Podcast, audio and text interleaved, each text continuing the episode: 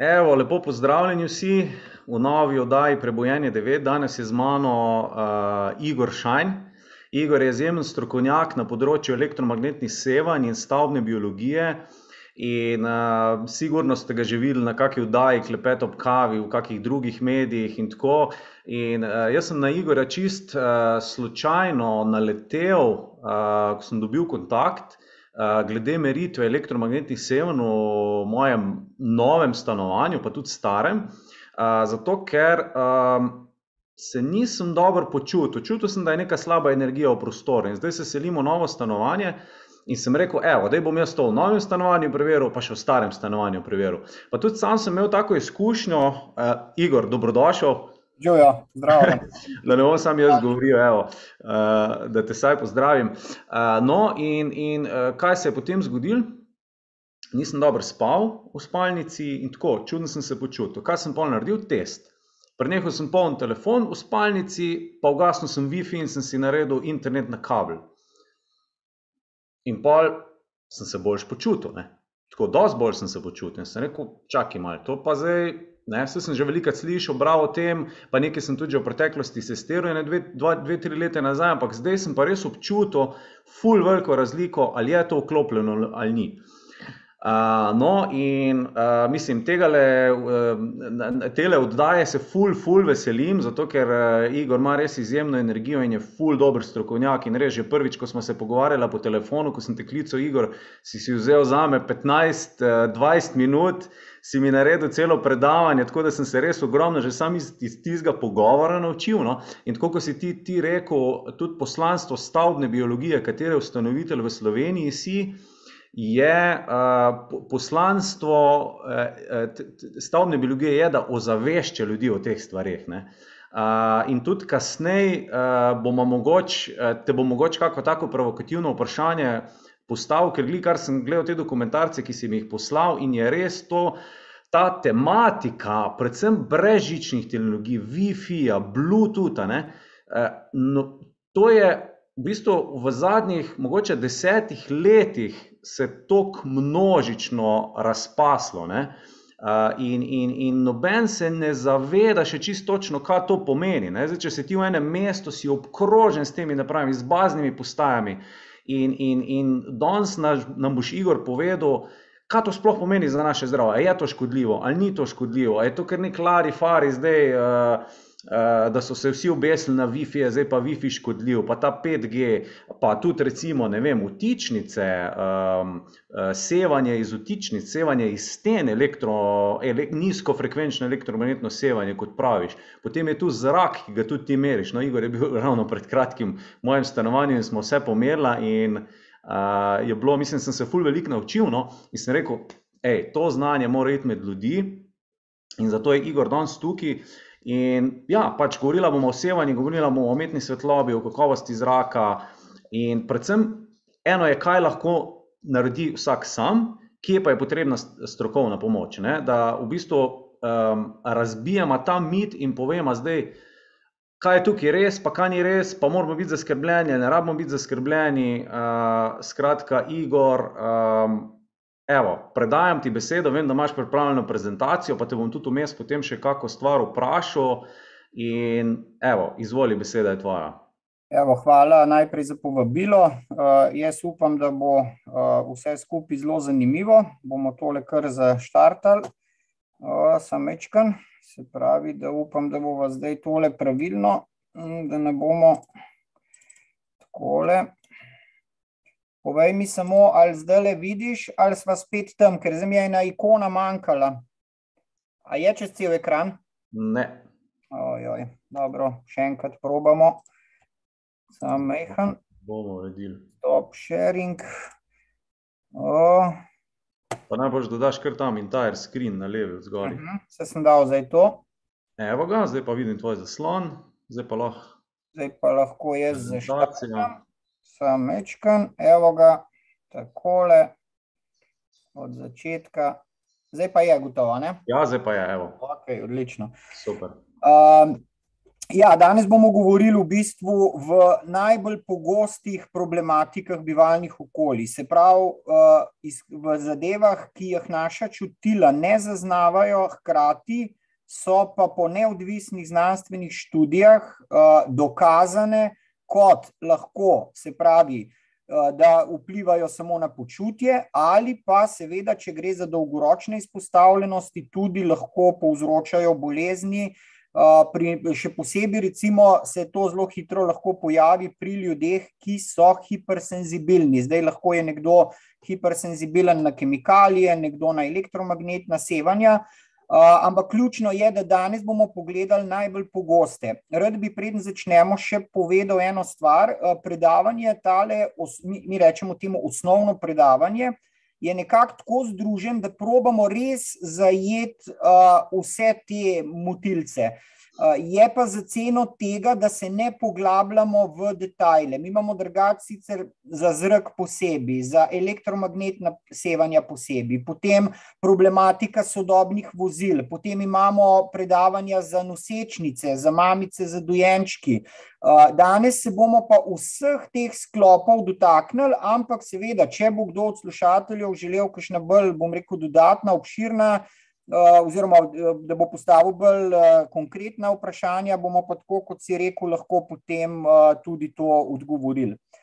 Zdaj za začetek, dva, tri stavke samo o stavbni gradbeni biologiji. Vse skupaj izhaja iz Nemčije, ustanovitelj je bil profesor dr. Anton Schneider, znanstvenik, zdravnik, ustanovil je to leta 1983. Zdaj, kaj je naloga sploh gradbenega inštituta?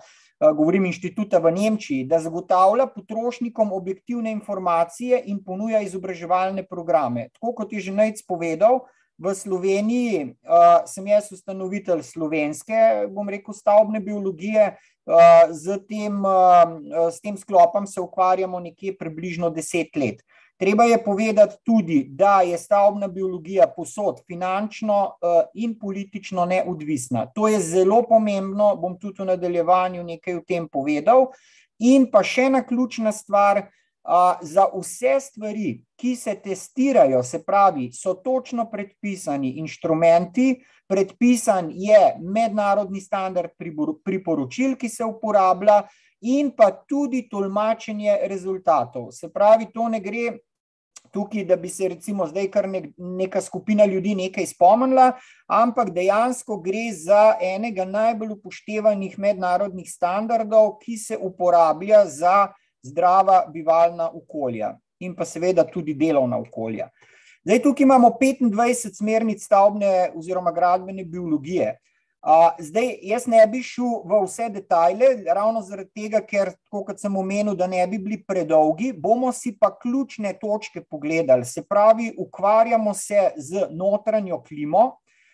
Pri notranji klimi je pomemben tako zrak, kot elektromagnetna sevanja, umetna svetloba, potem se tukaj pogovarjamo, kakšen način ogrevanja, kakšne naj bojo stavbe, da, recimo, da, da, da je primerna vlaga. Tukaj je cel kup problematik, ki, je prinesla, ki so jih prinesle smernice Evropske unije. Da ne bo pomote, Evropska unija z svojimi smernicami velikrat bom rekel, ukrepa v pravo smer, ampak nažalost veliko krat tudi na račun zdravja. To pa vsekakor ni smer, ki bi jo stavbna biologija, recimo, da, da bi jo podpirala, kaj šele, da bi zagovarjala tak pristop. Tle lahko kot primer povem, recimo, težnje k varčevanju z energijo. To je sicer vse lepo in prav, ampak hiše smo neprodušno zatesnili, nikjer pa ni nobenih, bom rekel, natančnih določil, da sodobna hiša z zatesnenimi okni, zelo kvalitetno izolacijo potrebuje prisilno prezračevanje. In danes imamo na tržišču cel kup ponudnikov hiš uh, in drugih, bom rekel, gradbenih objektov, ker ni nič predpisano glede prezračevanja, ponujajo take, se pravi, take objekte, brez da bi se sploh tej tematiki posvečali. Mogoče, Igor, sam, sam, če, če samo meso skočim. Ja. če smo čist pri teh osnovah. Veliko smo naredili na, v, v, v družbi na zavedanju, kot recimo, da je treba vem, meditirati, da je treba zdravo jesti. Um, ne, na, na teh področjih, da se je treba gibati, in tako naprej. Ampak se mi zdi, da to področje našega bivalnega okolja, se, je pa to, vsaj za me, no, da, da je to še le zdaj, kar nekaj prihaja, vedno bolj v spredje in smo malo, ne vem, pozabili na ta, na ta, na ta vidik. Ne? Se mi zdi, da se še zdaj prav zavešča. Res je, res je, zelo dobro si povedal. Um, Tlej treba tudi povedati, da smo približno nekje od 10 do 15 let za recimo Nemčijo. Kaj to pomeni? V Nemčiji praktično uh, že vsak ta tretji novograditelj najame ali gradbenega biologa ali recimo nekoga, ki se s to problematiko ukvarja in ga skozi kompletno gradnjo vodi. Pri nas, eh, seveda, vse več novograditeljno se te problematike zaveda, to tudi eh, sami vidimo, ampak tako kot je bilo rečeno, veliko se je zadnjih, dejva reč, 20 let govoril o problematiki prehrane. Nekaj več, dejva reč, tudi se je govorilo o, se pravi, v unesnaženju, se pravi, zrak, kakovost zraka in podobno. Izredno malo se je pa govoril o bivalnem okolju kot celoti, tako kot si zdaj izpostavil. In to je po nemški oceni najbolj, eno najbolj zapostavljenih področji, kar se tiče našega zdravja. Seveda so tukaj še druga področja.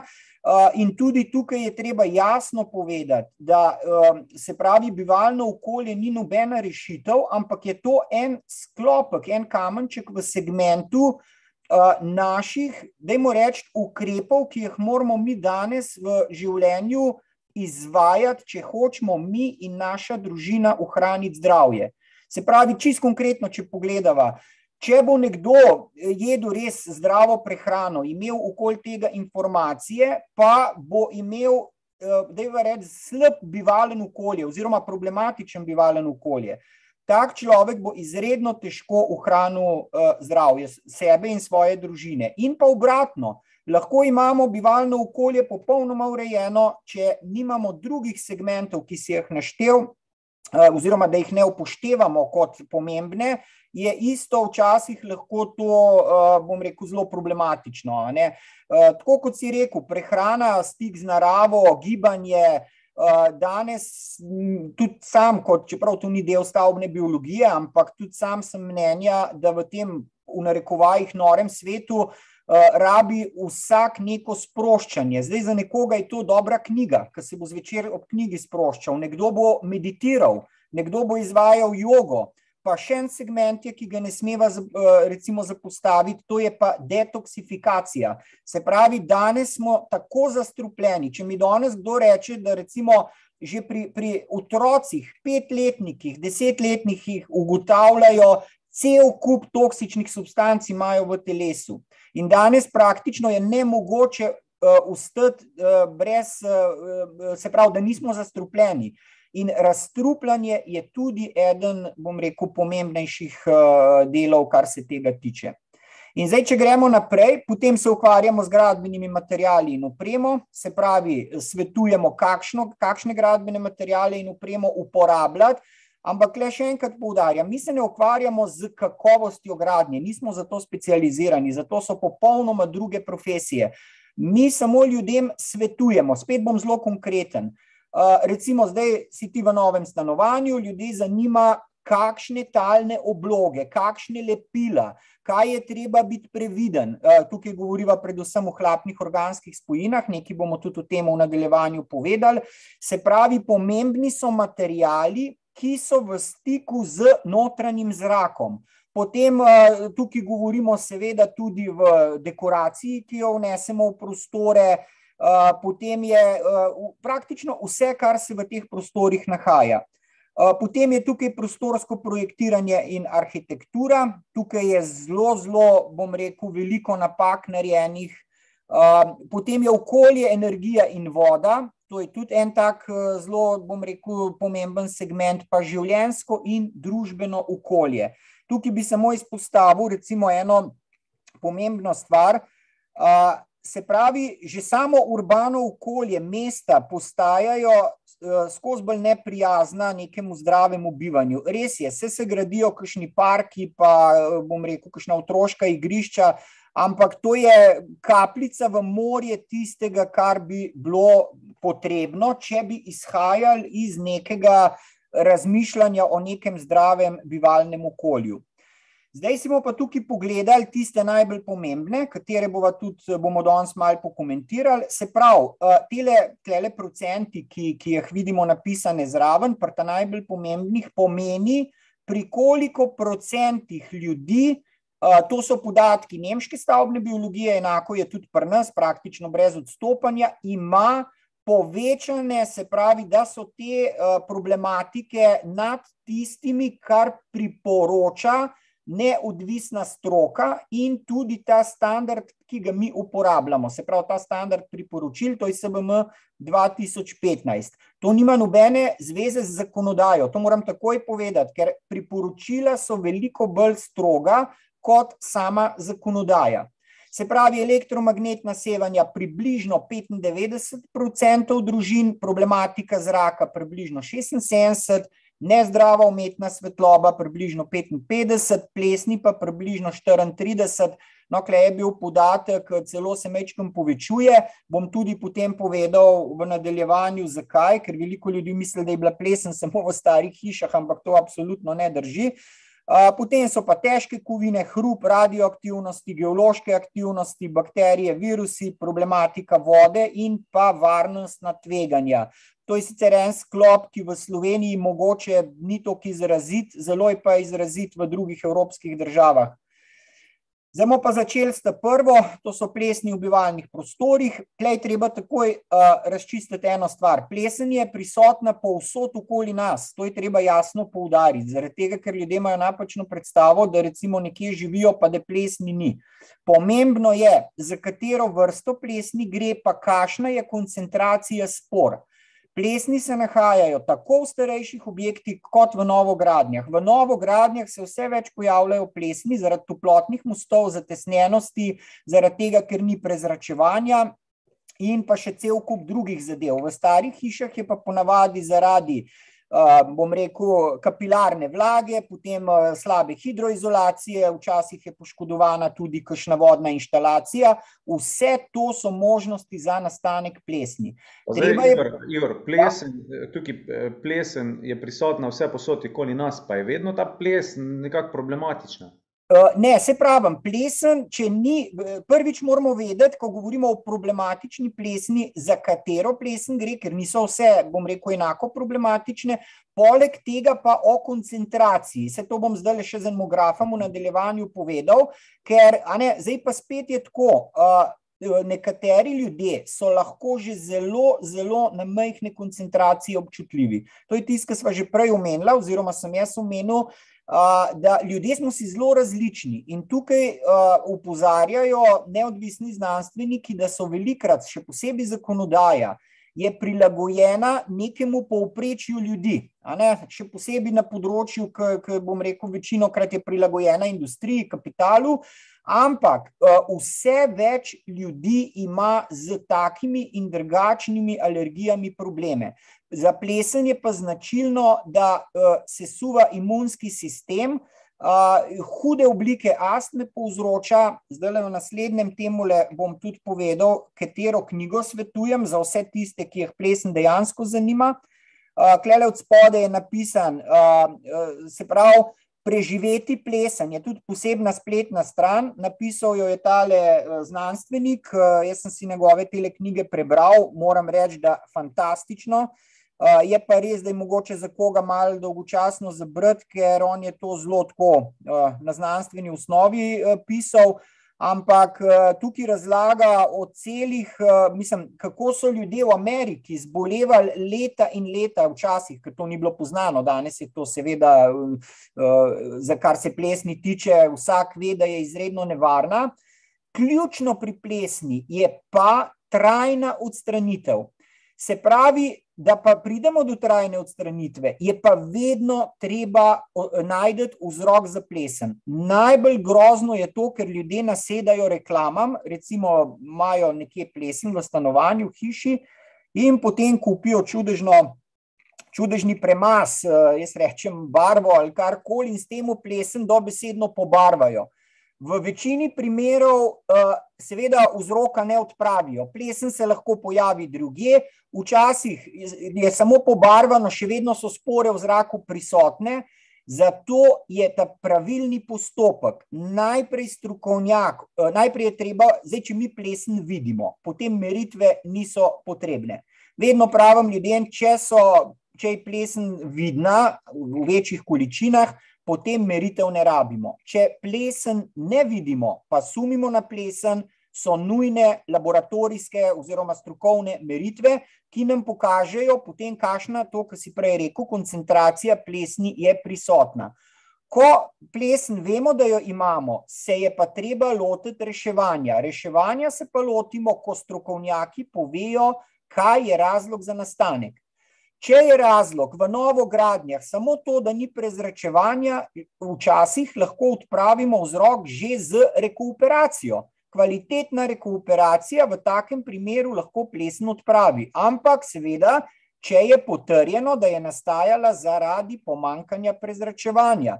Če je razlog karkoli drugega, se pravi kapilarna vlaga, poškodovana izolacija, potem je treba ta prvi to popraviti potem veliko krat dodati prezračevanje in potem šele lahko govorimo o tem, da se sanira tisto, kar je plesen, bom rekel, poškodovala.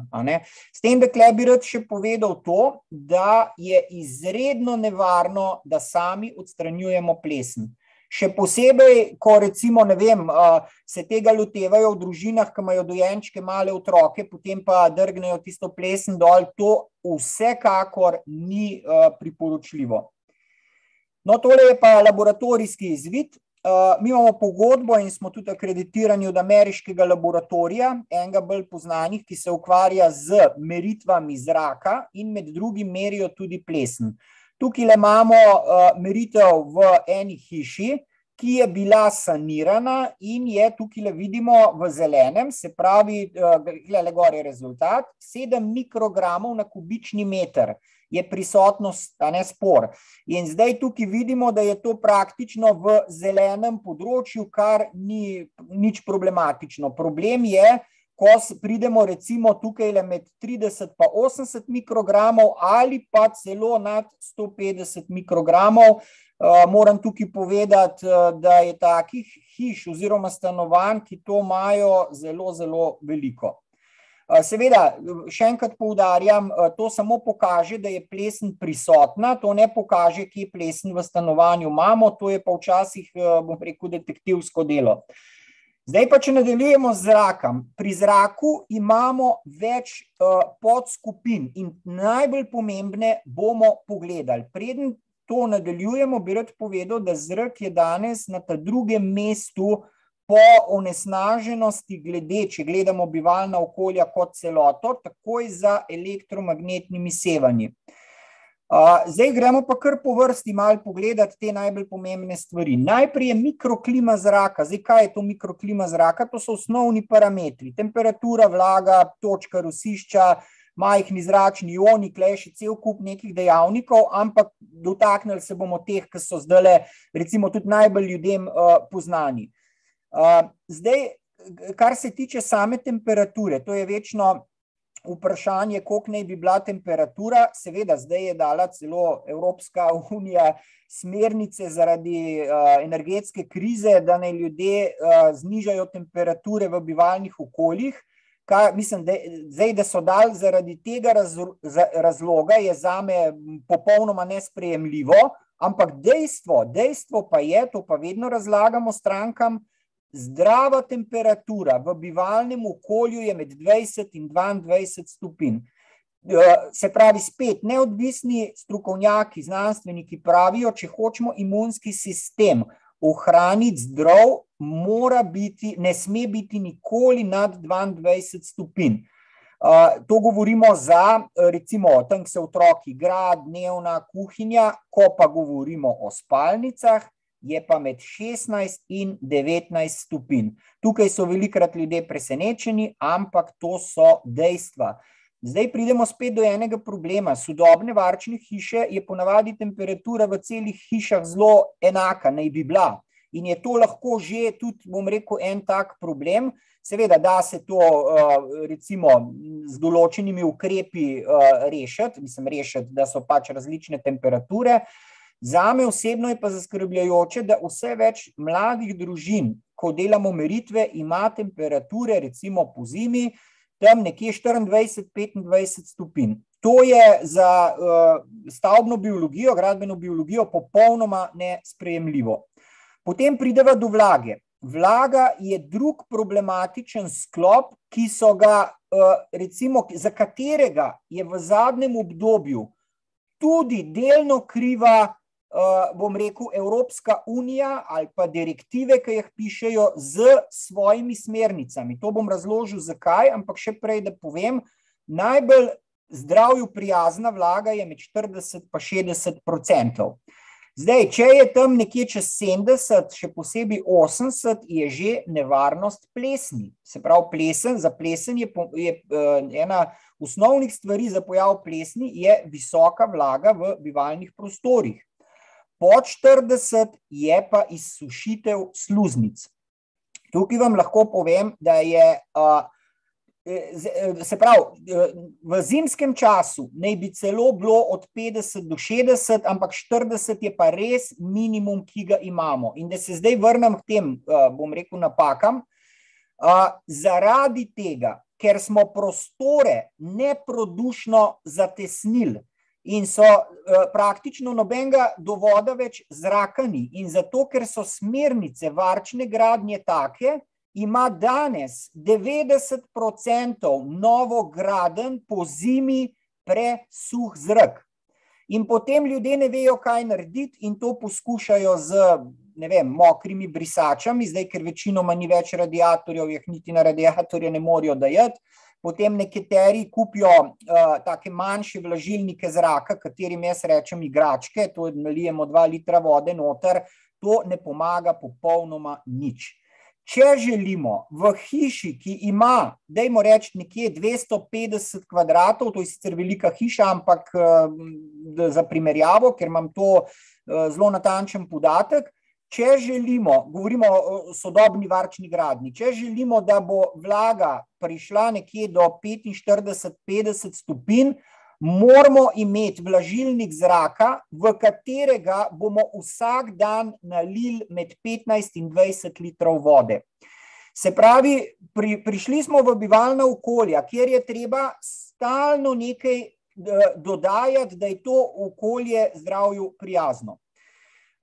Gremo naprej, ugljikov dioksid. Ugljikov dioksid. Igor, Igor. Ja. Včasih, je pa, včasih je bilo pa tako, da nisi nabo nobenega prezračevanja, ne? ker ja. so bila lesena okna, pa je itak pri vsakem vogalu malo spuščal, pa si imel naravno rekuperacijo. Ne? Točno tako, točno tako, čeprav ne, seveda, priznati moramo tukaj. Energija, potratnost energije je bila uh, bistveno večja kot zdaj. To, tlej treba biti pošten. Samo uh, problem v tem je, da ko se te priporočila, smernice za vrčevanje in tako imenovana zelena družba, to je cel kup, da ne rečem, ne bi uporabil kakšnega grdega izraza, cel kup teh stvari so same izmišljotine industrije, kapitala in pa tega, da se stalno nekaj na novo uvaja. Ne, sej lahko bi zdaj eno uro debatirali o tako imenovani, bom rekel, Eh, digitalni prihodnosti, eh, kar je, mislim, seveda, digitalna prihodnost, ja, ampak ne za ceno zdravja ljudi, niti fizičnega, niti duševnega, niti umskega. Ampak na vse te tri stvari lahko digitalna prihodnost izredno negativno vpliva. Ampak to je, bom rekel, za kakšno drugo predavanje. Zdaj, eh, tukaj je ugljikov dioksid. 600 ppm pomeni parts per million, se pravi delčkov na milijon. To pomeni, koliko je ugljikovega dioksida v celotnem, bom rekel, zraku, nekje se nahajamo. Zdaj, od zunaj v naravi je tam 300, 400, lahko tudi 500. Seveda, kadar govorimo o velikem prometu ali pa v industriji, lahko od zunaj eh, nekaj tisoč parts per milijon, velikrat, ko slišimo, da je recimo vnesnažen zrak, se to bistveno poveča, ampak kje je problem? to, kar si umenil ti prej. No, še preden uh, da, dam ti zgraf, bi rad samo še tole pokazal.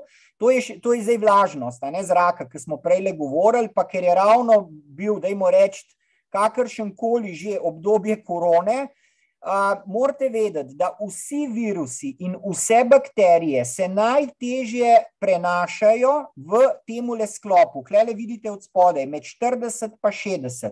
Se pravi, virusi v nekem prostoru, to, kar, so, kar je znanost govorila in poudarjala, da je treba v zaprtih prostorih narediti, to vse drži. Se pravi, če imamo suh zrak, se virusi najbolj prenašajo, zato ker lebdijo v zraku. Seveda je spet pri visoki vlagi, je pa spet problem, se pa zelo enako kot pri presuhi vlagi. Zelo podoben je za bakterije, plesni, pršice. Se pravi, kdaj se bolezni dihal pojavljajo? Ponavadi pri suhem zraku pod 40%. Alergije, astma, vse je pod 40%. Kemični procesi, to je pa druga stvar se pa vedno povečajo, ko je vlaga visoka. Govorim o izločanju formaldehida, o izločanju drugih hlapnih organskih spojin. Večja, ko je vlaga in temperatura, večji so ti kemični procesi. Pa spet proizvodnja ozona, ki je tudi lahko recimo zelo problematičen, vidimo, da pri nizki, nizki vlažnosti. Tako da, klele še enkrat poudarjam, najbolj primerno je med 40 in 60, idealno po zimi pa med 50 in 60 odstotkov. Seveda je treba za to, da to dosežemo, imeti, kar bom rekel, neki, neki znanja. No, klele, zdaj tega grafa vidim, da sicer nimam, hotel sem en graf pokazati, ampak mislim, da ga bomo še v nadaljevanju imeli. Se pravi, zdaj pa hlapne organske spojine to smo pa tudi že nekaj smo omenili. Zdaj, hlapne organske spojine je treba najprej nekaj ločiti. Hlapna organska spojina so tudi vsa naravna olja, ki so lahko zdravju prijazna. Se pravi, niso vse hlapne organske spojine problematične. Tudi, ki, ko mi delamo neke dihalne, se pravi, za pljuča, terapije in podobno, to so vse hlapne organske spojine, ampak ločijo se na tiste, ki so v malih količinah zdravilne, da jim reč, ali pa imajo pozitiven vpliv na naše življenje, potem imamo pa tiste, ki so pa tako imenovane, lahko so rakotvorne, lahko povzročajo druge probleme. Nekateri pravijo, da so na tako imenovani črni lestvici teh hlapnih organskih spojin. Klele pred nadaljujem, bi samo na kratko nekaj, kar smo se, ne vem, mislim, da danes pogovarjala že mi dva. Nekaj, kar nekaj let sem zdaj upozarjal stranke in ljudi, čeprav to ni del stavbne biologije, na tako imenovane sredstva za zaščito gorenja in pa za proti madežem, recimo na otroških oblačilih, potem razne zaščite proti soncu na otroških oblačilih. Ko sem ljudem razlagal, da je nešteto znanstvenih študij, ki govorijo, da je to rakotvorno, so nekateri rekli, to pa ne more biti, ker se potem v Evropi ne bi prodajali. Že tri dni prihajajo ven, tudi na 24.com je bilo objavljeno, šokantne študije, kje vse se to nahaja. Na, na oblačilih, ki imajo v Evropski uniji oznako prijazno otrokom, Eh, da ne govorim o eh, telih, se pravi, za postelje, prevlekah, eh, igračah, cel kup stvarih, vozičkih otroških in podobne stvari. Se pravi, te hlapne organske spojine so lahko izredno, izredno problematične. In tukaj, če nekdo misli, da nas tukaj zakonodaja ščiti, vas moram razočarati. Absolutno je odgovor ne. To trdijo neodvisni znanstveniki, zdaj pa seveda od vsakega človeka je odvisno, ali se bo teh stvari zavedal, ko dobi informacijo, ali pa bo zamahnil z roko, pa bo rekel, verjamem tistemu, kar se prodaja, da je nekako, da je nekako varno. Priznam, da sem med temi naivneži 30 let nazaj bil tudi sam, Moje mnenje takrat je bilo, da kar je na policah, more pa že varno biti, ampak me je življenje krepko izučil, da temu ni tako. Morate pa vedeti, da hlapne organske spojine izhlapevajo lahko tudi do 20 let in več. En, en zelo nevaren sklop so novi avtomobili. V tem imamo prav poseben predavanje. Zdaj pa žal res ni časa, da bi o tem več povedal. Igor, ja. to je to, ko diši po novem. Ne? E, točno to. Ko diši no. avto po novem. Ja. Če povem jaz samo en primer, jaz sem tukaj se vselil v novo stanovanje uh mhm. -huh. in, in, je, in je imel von po novem, ampak tako zadošljiv von. Ne? In uh mhm. -huh. ko si bil nekaj časa noter, nisi več tega voha, ampak to je bil von. To so te organ, hlapne organske skupine, skupine, ker tudi pohištvo je bilo novo, a veš, je bil verjetno tukaj formaldehid, vse je bilo na novo prepleskano in to. Mhm. In, in, in vem, da, uh, vem, da ko smo včasih šla ven, uh, mislim, ven, da smo za par dni naj ni bilo, pa smo prišla nazaj. Ja. In je spet isti von bil. Ja. In, in, in je prav tako uh, tak malo zadošljiv, oziroma čutiš, da, da ti nekaj ne paše, čutiš, da ni ok, jaz skozi tukaj, skozi luftam. Ja. Ja, res drži. In ravno to je problem, ker to lahko leta in leta izhlapeva. Ne? Da ne govorimo o savnah, ki le za mano vidite eno savno. Recimo, savne smo tudi uh, cele študije delali. Uh, zakaj? Zaradi tega, ker se je izredno, izredno se je podražil lesa, ne? kar je podražil tudi savne. Uh, Masivne, zdravju prijazne savne so danes izredno drage. Potem pa nekdo reče, da je dobu savno polno stekla, z, ki je uvožena vem, z Kitajske, oziroma pa nič slabega, zdaj delih z Kitajske, to sem dal kot primer, za neko ugodno ceno, potem se pa naredi test zraka v tej savni. To je tako, kot bi se savno v krematoriju, ker enostavno kemikalije, fugirne mase, lepila. Uh, in ljudje kupijo savno zato, da bi bila uh, namenjena detoksifikaciji in neki podpori zdravja, na koncu se pa, bom rekel, razstrupljajo. Uh, tukaj, Igor, ja. Igor, če sem te prav razumel, ne, tudi iz oblačil potem sevajo te spojine ven. Uh, izhlapevajo, izhlapevajo te spojine ven. Odvisno, seveda, ali so bile uporabljene ali ne, potem spet je odvisno, koliko časa, ne posod enako. Imamo neke, nekatere snovi, ki po dveh, treh pranjih, se pravi, jih ni več, imamo pa snovi, ko oblačilo lahko uperemo, ne vem, stokrat, pa bo še vedno to izhlapeval. Zdaj, tole, kar bom rekel, se bo slišalo nenormalno, ampak žal živimo v nenormalnem svetu. Se pravi, danes mamica, očka, ki dobita dojenčka, če želita temu dojenčku dobro, bi mogla kupiti rabljen voziček star najmanj dve leti in hkrati kupovati tako imenovane rabljena oblačila. A ne, seveda, sliši se gotovo, zdaj marsikomu to noro, ampak dejansko, tako kot sem rekel, odvisno, kaj tukaj zdaj gledamo. Ne, ne, nikakor pa ne smemo zdaj reči, da je pa v to v vseh oblačilih, v določenih so to odkrili. Je še zmeraj. Je to mogoče s ceno povezano, so draže oblačila, bolj kvalitetna ali ne? Nikakor. Ne. Ko govorimo o zdravju prijaznih izdelkih, nikoli ni povezano z ceno. Nikoli. Je, lahko imamo izdelek, ki je vrhunske, recimo, dajmo reči, blagovne znamke, pa bojo isto problematične stvari kot v nekem izdelku, ki recimo ni neka znamka. Ne? Še najbolj, ampak to ni garancija, da ne bo pomote, da delam reklamo ali karkoli, ampak še najbolj, če dobimo oblačila iz 100-odstotnega ekobombaža, tukaj ni zagotovila, da ne bo pomote, ampak še vse je tukaj kontrola toliko večja, da imamo občutek lahko vsem, da je manj možnosti, da do tega problema pride. Mhm. Zdaj gremo pa naprej, no tole je samo, tole bomo šli malo hitreje, ker drugače bomo res eh, zelo dolgi. Eh, tlele, to je laboratorijski test, ki ga mi dobimo iz laboratorija, naj povem, kako to zgleda. Se pravi, eh, družina se vseli v novo gradnjo, zanima jih, kakšen je njihov zrak. Pridemo v hišo, postavimo posebno laboratorijsko napravo, zajema dve ure zrak v posebno ampulo, ampulo zapečatimo in pošljemo na, v laboratorij v Ameriko. Zdaj, zakaj v Ameriko? Klele desno v spodi, nazaj sem šel, je takle kovček prenesemo sabo, noter je vsa ta, bom rekel, laboratorijska oprema. V Ameriko pa zato pošiljamo, ker je, kot sem že omenil, to eden bolj priznanih laboratorijev, ki ima, dajmo reči temu, dokaj sprejemljive cene.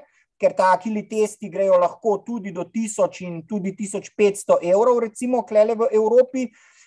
In pa dost uh, so tako, da dajo tudi uh, v poročilu že neke smernice, kje bi se te hlapne organske spojine lahko nahajale. Ker točno, seveda, oni ne morejo, mi samo ugotovimo, da je nekaj prisotno v stanovanju ali hiši. Tukaj imamo še recimo neke produkte, klele je zanimivo, zato sem to dal. Prva, uh, personal care products, to vsi vemo, kaj so deodoranti, losioni, parfumi, podobne zadeve, to preiskava vse zazna.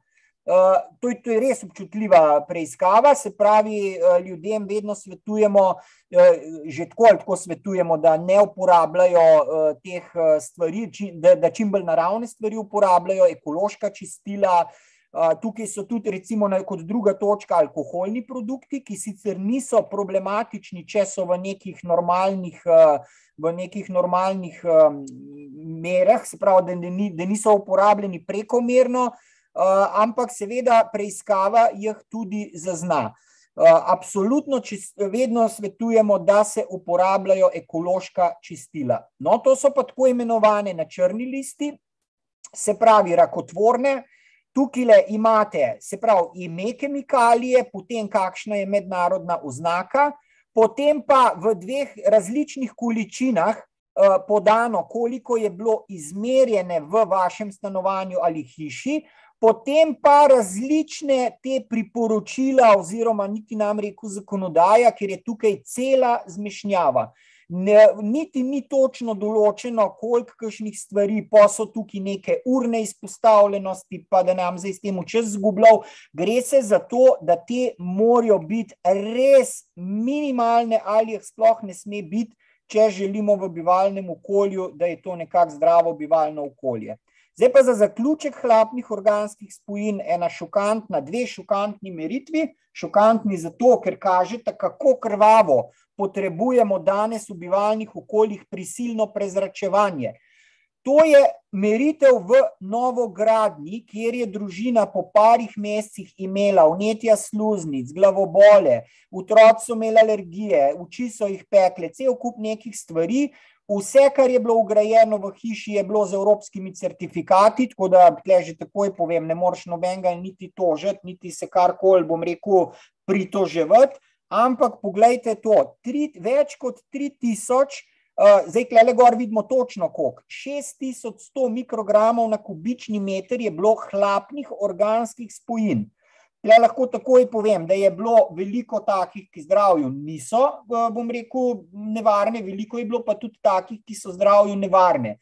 Zakaj je ta šokanten? Ker niti graf, graf niso mogli urisati, kle so napisali, da je pač uh, rezultat tako velik, da je izven grafa. In to je novo gradnja, kamor se je uselila družina z otroki. Hiša je brez prezračevanja bila. Ka, zdaj, tukaj potem se, smo se posvetovali, kaj narediti, tudi z temi raznimi, ki izvajajo te stvari. Nekako se je družina odločila po našem nasvetu za prisilno prezračevanje. Poglejte razliko po zagonu prisilnega prezračevanja je padel na 310. Res je, da je bil prezračevanje na maksimumu en teden, preden smo uh, prišli meritve delati, ampak kakšna razlika. Se pravi, to je tisto, kar danes ljudem govorimo. Ljudje pravijo, da odpirajo okna. Ok, to je delno dobro, samo, lejte, če bi imel čas, bi lahko tudi analiziral vse to, kaj to pomeni, ampak to uh, bi preveč časa porabili. Odpiranje oknem, s parimi besedami povedano, to je zadovoljivo, mogoče v poletnem času, ali pa dajmo reči, mogoče še spomladi, ki je toplo, po zimi, bi mi mogli praktično zračiti na par ur. Če bi hotel zadovoljiti tem kriterijem, ki bi v bivalnih okoljih mogli biti. Potem pridemo do prašnih delcev. Prašni delci so spet razlog, lahko udodzuni, promet, industrija, bom rekel, potem kurjenje po zimi je lahko razlog. Prašni delci nastajajo tudi, to so, mi, to so res mali delci. Mi z našimi aparaturami merimo od nič cela 3 mikrona do 10 mikronov, to je PM10. Velikrat slišite, da je količina PM10 po, povečana, recimo v mestih, ko pride kurilna sezona, včasih je tudi malo od uremena odvisno, da se to zgodi, če ni nobenega vetra in podobno morate vedeti, da vse tekstil, ki smo že prej o tekstilu govorili, ki je, ima primesi, se pravi, imamo bombaž, pa imamo pa poliestre in podobne stvari, te mikrodelci se lomijo. In vse to se v stanovanjih zadržuje. Zdaj pa več, ko imamo tekstilnih oblog in pa zaves, več imamo problemov s prašnimi delci. Se pravi, kot stavbnemu biologu, če me vprašate, ali sodi ta pison v bivalno okolje, je odgovor absolutno ne.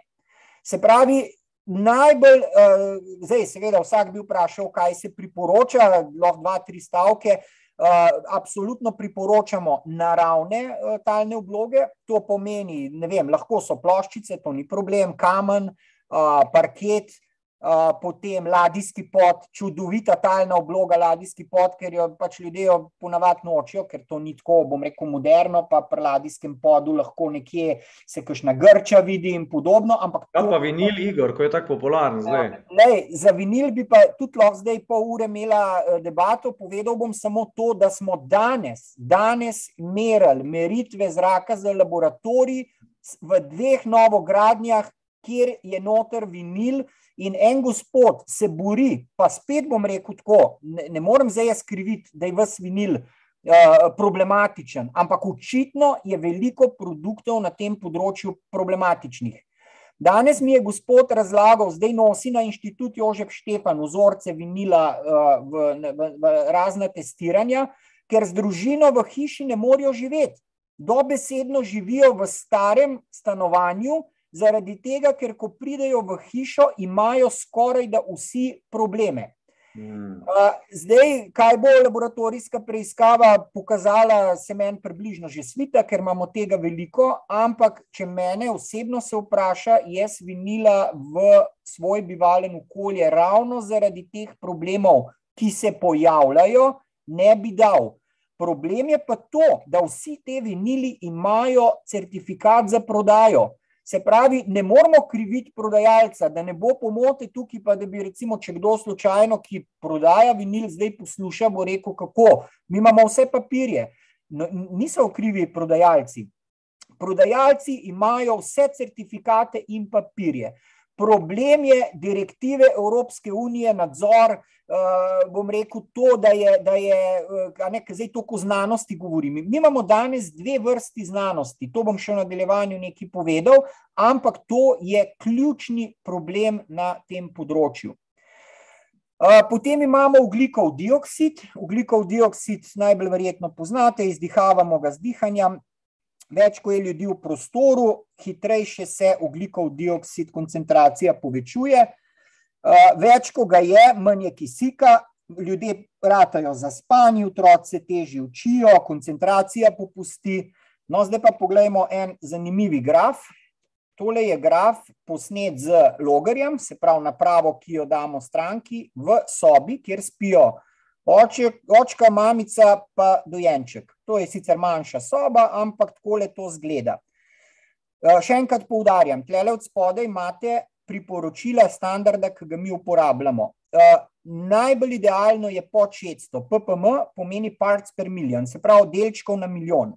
E, pod 600 je idealen, od 600 do 1000 je še sprejemljivo, od 1000 do 1500 je že resna anomalija za skrbljenost. Od nad 1500 je pa ekstremna anomalija za skrbljenost. Zdaj pa dajmo pogledati.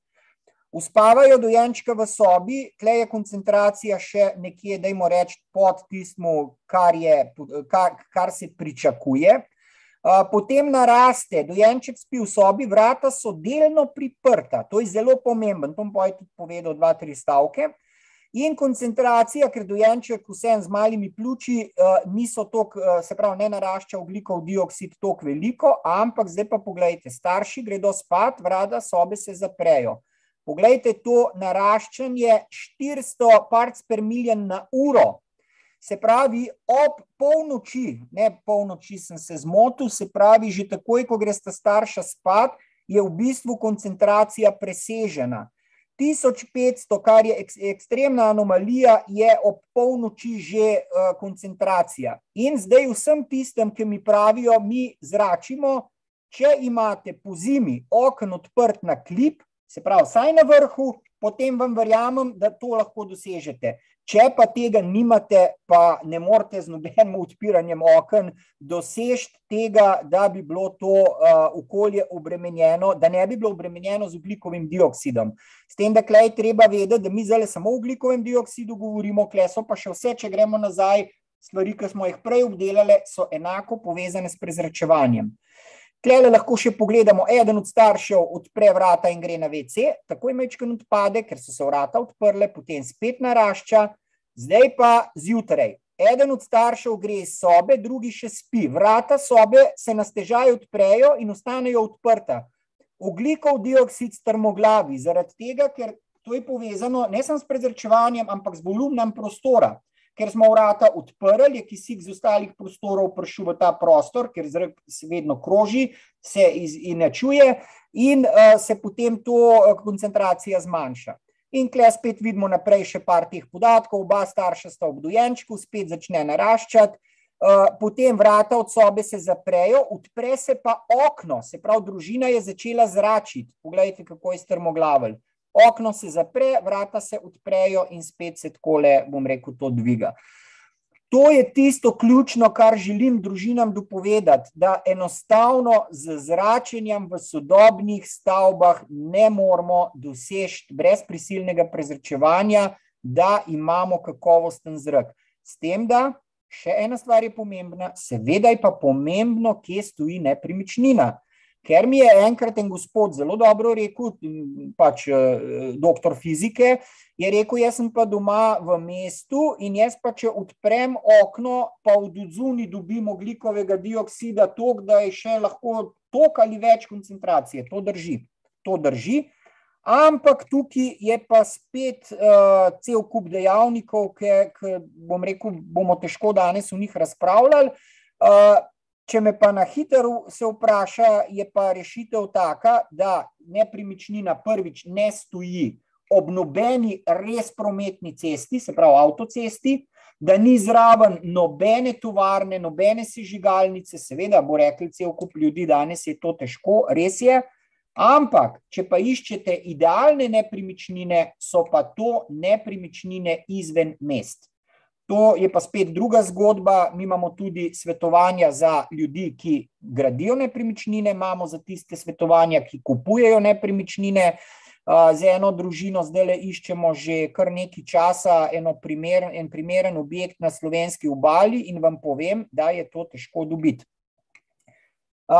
Tlele je potem formaldehid, ti veš, no, ki smo ga tudi pri tebi merila, Formaldehid je rakotvoren, Evropska unija ga je kot dobro, v dobro ištejem, že pred leti z direktivami umejila, tako da ga je bistveno manj, še vedno ga je pa cel kup v produktih, ki so uvoženi v Evropsko unijo. Tako da ali imate formaldehid ali ne, se da ugotoviti izključno z meritvami. Obstaja cel kup merilnih inštrumentov, mi uporabljamo enega, ki je uh, jaz rečem temu, izredno je natančen, vedno damo noter kalibracijsko tableto. To pomeni, da se ne, uh, te hlapne organske spojine ne mešajo ena z drugo, ampak dejansko meri samo formaldehid. Formaldehid je rakotvoren, povzroča raka, pljuč, eh, se pravi raka na pljučih, nahaja se pa v ivrki, OSB ploščah, dekoraciji, zavesah, eh, barvah, eh, lepilih, premazih, praktično skoraj ni produkta, da ne bi bil formaldehid prisoten. Potem imamo radon, v radonu bi lahko tudi imeli uh, en samostojen predavanje. Jaz bom kle samo omenil, tukaj je država kar veliko pozitivnih korakov naprej naredila. Zakaj? Zato, ker v njemu zelo uh, veliko obvešča, poroča, čeprav še vedno premalo. To pa zato, ker radon ni industrijski produkt, ampak je uh, produkt naše matere zemlje, se pravi naravni plin. In tukaj industrija se nič ne pritožuje, če upozarjamo, da je to nevarno.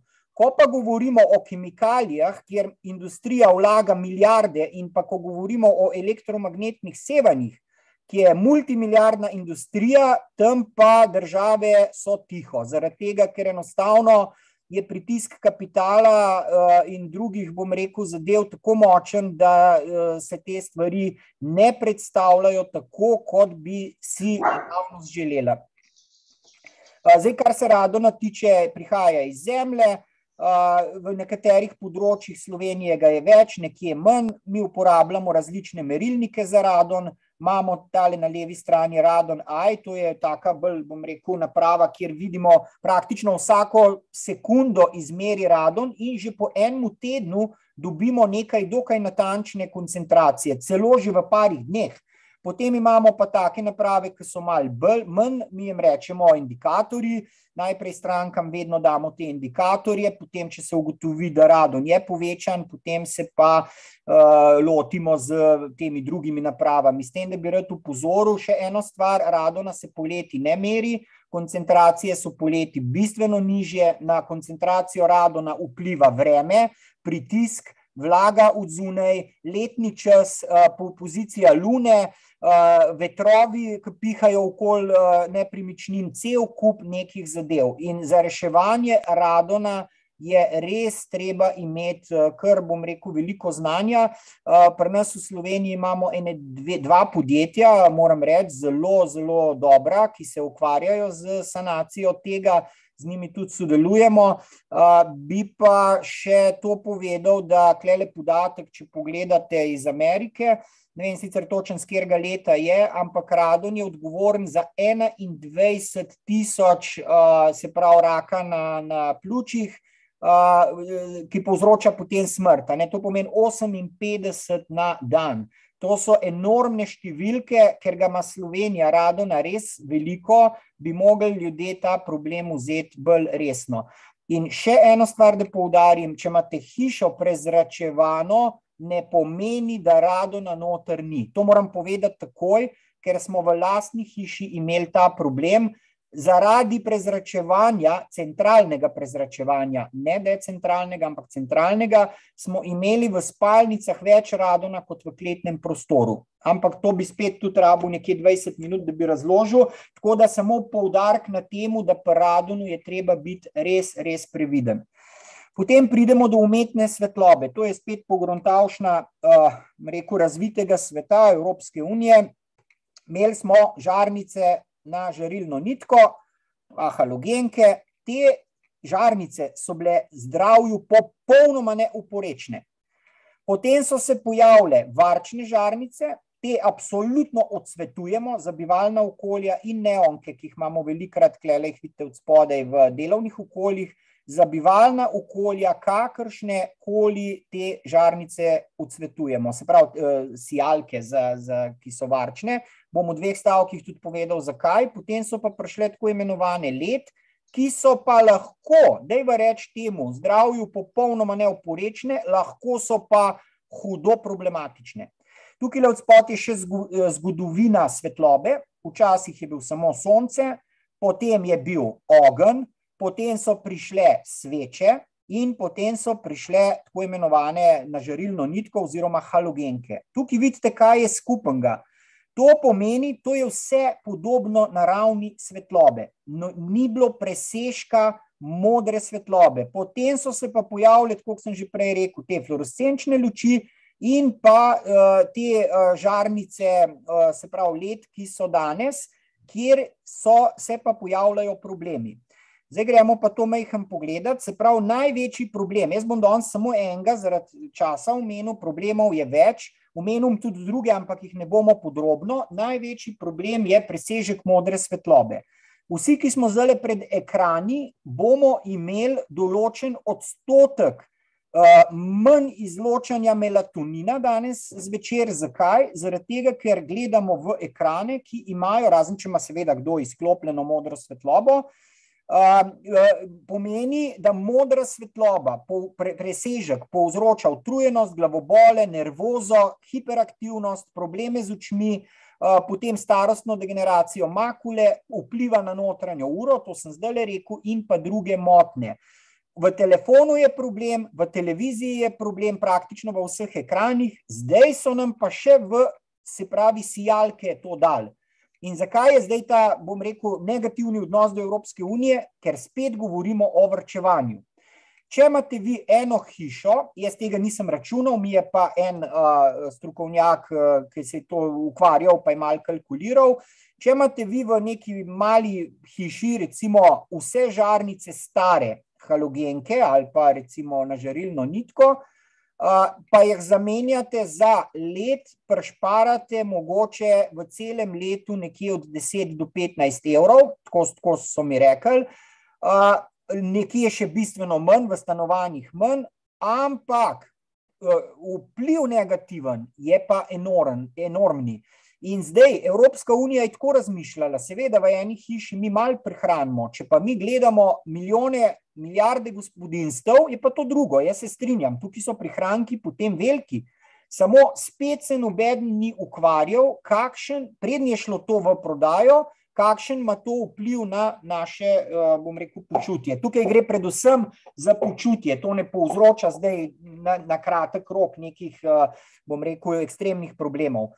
Tukaj vidimo, to je narejeno z napravo spektrometer, to je posebna naprava, ki jo imamo, meri nekih 400 različnih funkcij, mi kot stavbni biologi uporabljamo nekje pet meritev, najbolj teh pomembnih. Tukaj vidimo dnevno svetlobo. Vse barve so zastopane levo zgoraj, zdaj govorim, vse barve so zastopane približno, bom rekel, enakomerno.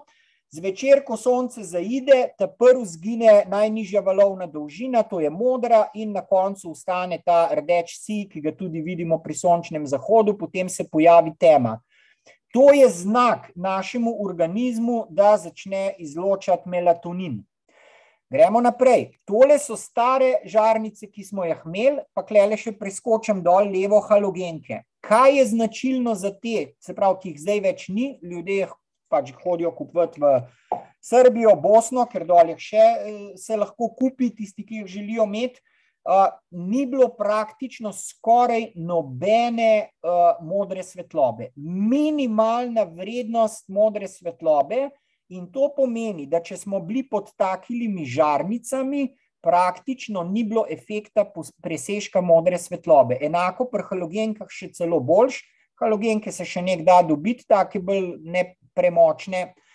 No, tole so fluorescenčne in tako imenovane, desno zgoraj, imenovane varčne. Te, pri teh je največji problem ne toliko modra svetloba, kot pa tale špičasti spektr.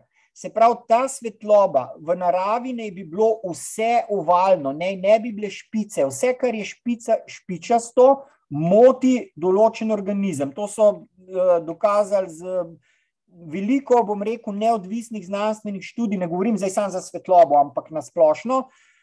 Druga stvar je pa, da te vse povzročajo zelo visoko utripanje, kar je pa drugi problem. Utripanje je pa stvar, odvisna je frekvenca utripanja. Klej moram takoj povedati, da varčne, mislim, te halogenke pa, pa stare žarnice so utripale z frekvenco omrežja 50 Hz, kar za naše možgane ni moteče. Pri, se pravi, teh varčnih, pa pri uh, teh, uh, se pravi, uh, let je pa problem to, pri utripanju smo zdaj, da utripajo s frekvencami, ki motijo naše možganske valove. In to lahko sproža epileptične napade pri ljudeh, ki so nagnjeni epilepsiji in tudi druge, bom rekel, druge probleme povzroča. Poleg tega je pa problem tale modri zob tale modri zob, to je pa zdaj presežek modre svetlobe. In zdaj nekatere podatke najdemo na škatlicah od uh, sijalk, nekatere ne. Tukaj naše stranke poučimo, katere uh, sijalke je treba tukaj kupovati. Ampak zdaj, če sem čist splošen, najbolj splošen, kar sem lahko, v bivalno okolje ne sodijo sijalke, ki imajo 3000 kelvinov ali več. Se pravi, sijalka mora imeti 2700 eh, kelvinov, to je najbolj, to pomeni warm white, nikoli cool white, potem CRI, naj bo, CRI pomeni, koliko barov vidimo pod določenim virom, naj bi bil vsaj 95%, sonce ima CRI 100, halogenka ima CRI 99, dobra let sijalka ima CRI 95. 90% let si Alk ima pa CRI tam okoli 80. Zdaj smo pa pri elektromagnetnih sevanjih, ostalo smo zdaj predelali, nismo vsega, da ne bo pomote, ampak naj. Evo, to je pa moja najljubša tematika. Tako. Uh, mogoče, da... bi mo mogoče bi mogla malo obrniti vrstni red. Ja, ja. ja. Uh, zdaj tukaj, le, ker je res veliko, veliko podatkov, jaz bom probal tiste najbolj ključne podati. Tole je samo predstavitev mednarodnega standarda SM2000, ki ga mi uporabljamo. Vse je definirano, dokje so male anomalije, probamo vedno biti v uh, zelenem področju, uh, nekje so še neka odstopanja tudi v oranžnem, ker so kle zajete tudi, uh, bom rekel, za hipersenzibilne osebe. Eh, imamo radiofrekvenčna sevanja, se pravi brežična tehnologija, električna polja, izmenična, to govorimo o vseh izmeničnih, pa magnetna polja, izmenična. Seveda imamo potem tudi eno smerno, jaz sem tle samo dal uh, za, za primerjavo. No, tukaj imamo pa eno zanimivo primerjavo. Se pravi, tukaj le gledamo tole, kar sem zdaj naštel. Klele so priporočila tega standarda, ki ga mi uporabljamo. To je mednarodni standard, CBM 2015, se mu reče. Gremo pogledat za električna polja. Priporočilo je 5 voltov na meter, uredba, zdaj smo pri zakonodaji, govori 500 voltov na meter, da je dovoljeno. Uh, to je uh, območje ena, to so spalni prostori, tam, kjer se zadržujemo, ne vem, bolnišnice, zdravilišča, otroški vrtci in podobno. Območje dve so pa industrijske cone in tam, kjer se recimo ne zadržujemo.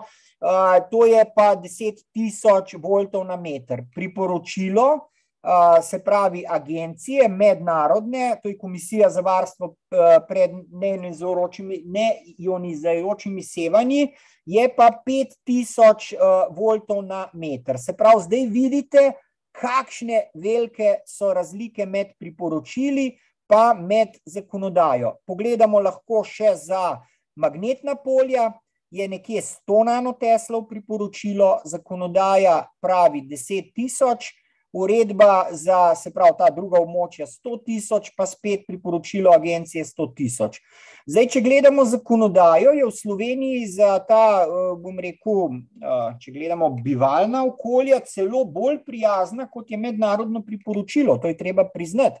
To velja tako za uh, brežično tehnologijo, kot za, pravi, za visokofrekvenčna sevanja, kot za nizkofrekvenčna sevanja. Tole zadnjo so pa visokofrekvenčna, se pravi, brežična tehnologija. Uh, je se pravi, priporočilo uh, deset, ampak tukaj je res zajeto noter, poudarjam še enkrat, tudi za hipersenzibilne ljudi.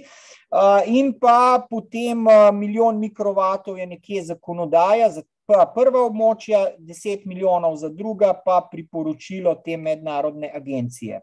Zdaj pa za tiste, čeprav verjamem, da večinoma poznate, bomo malo fotografij pogledali.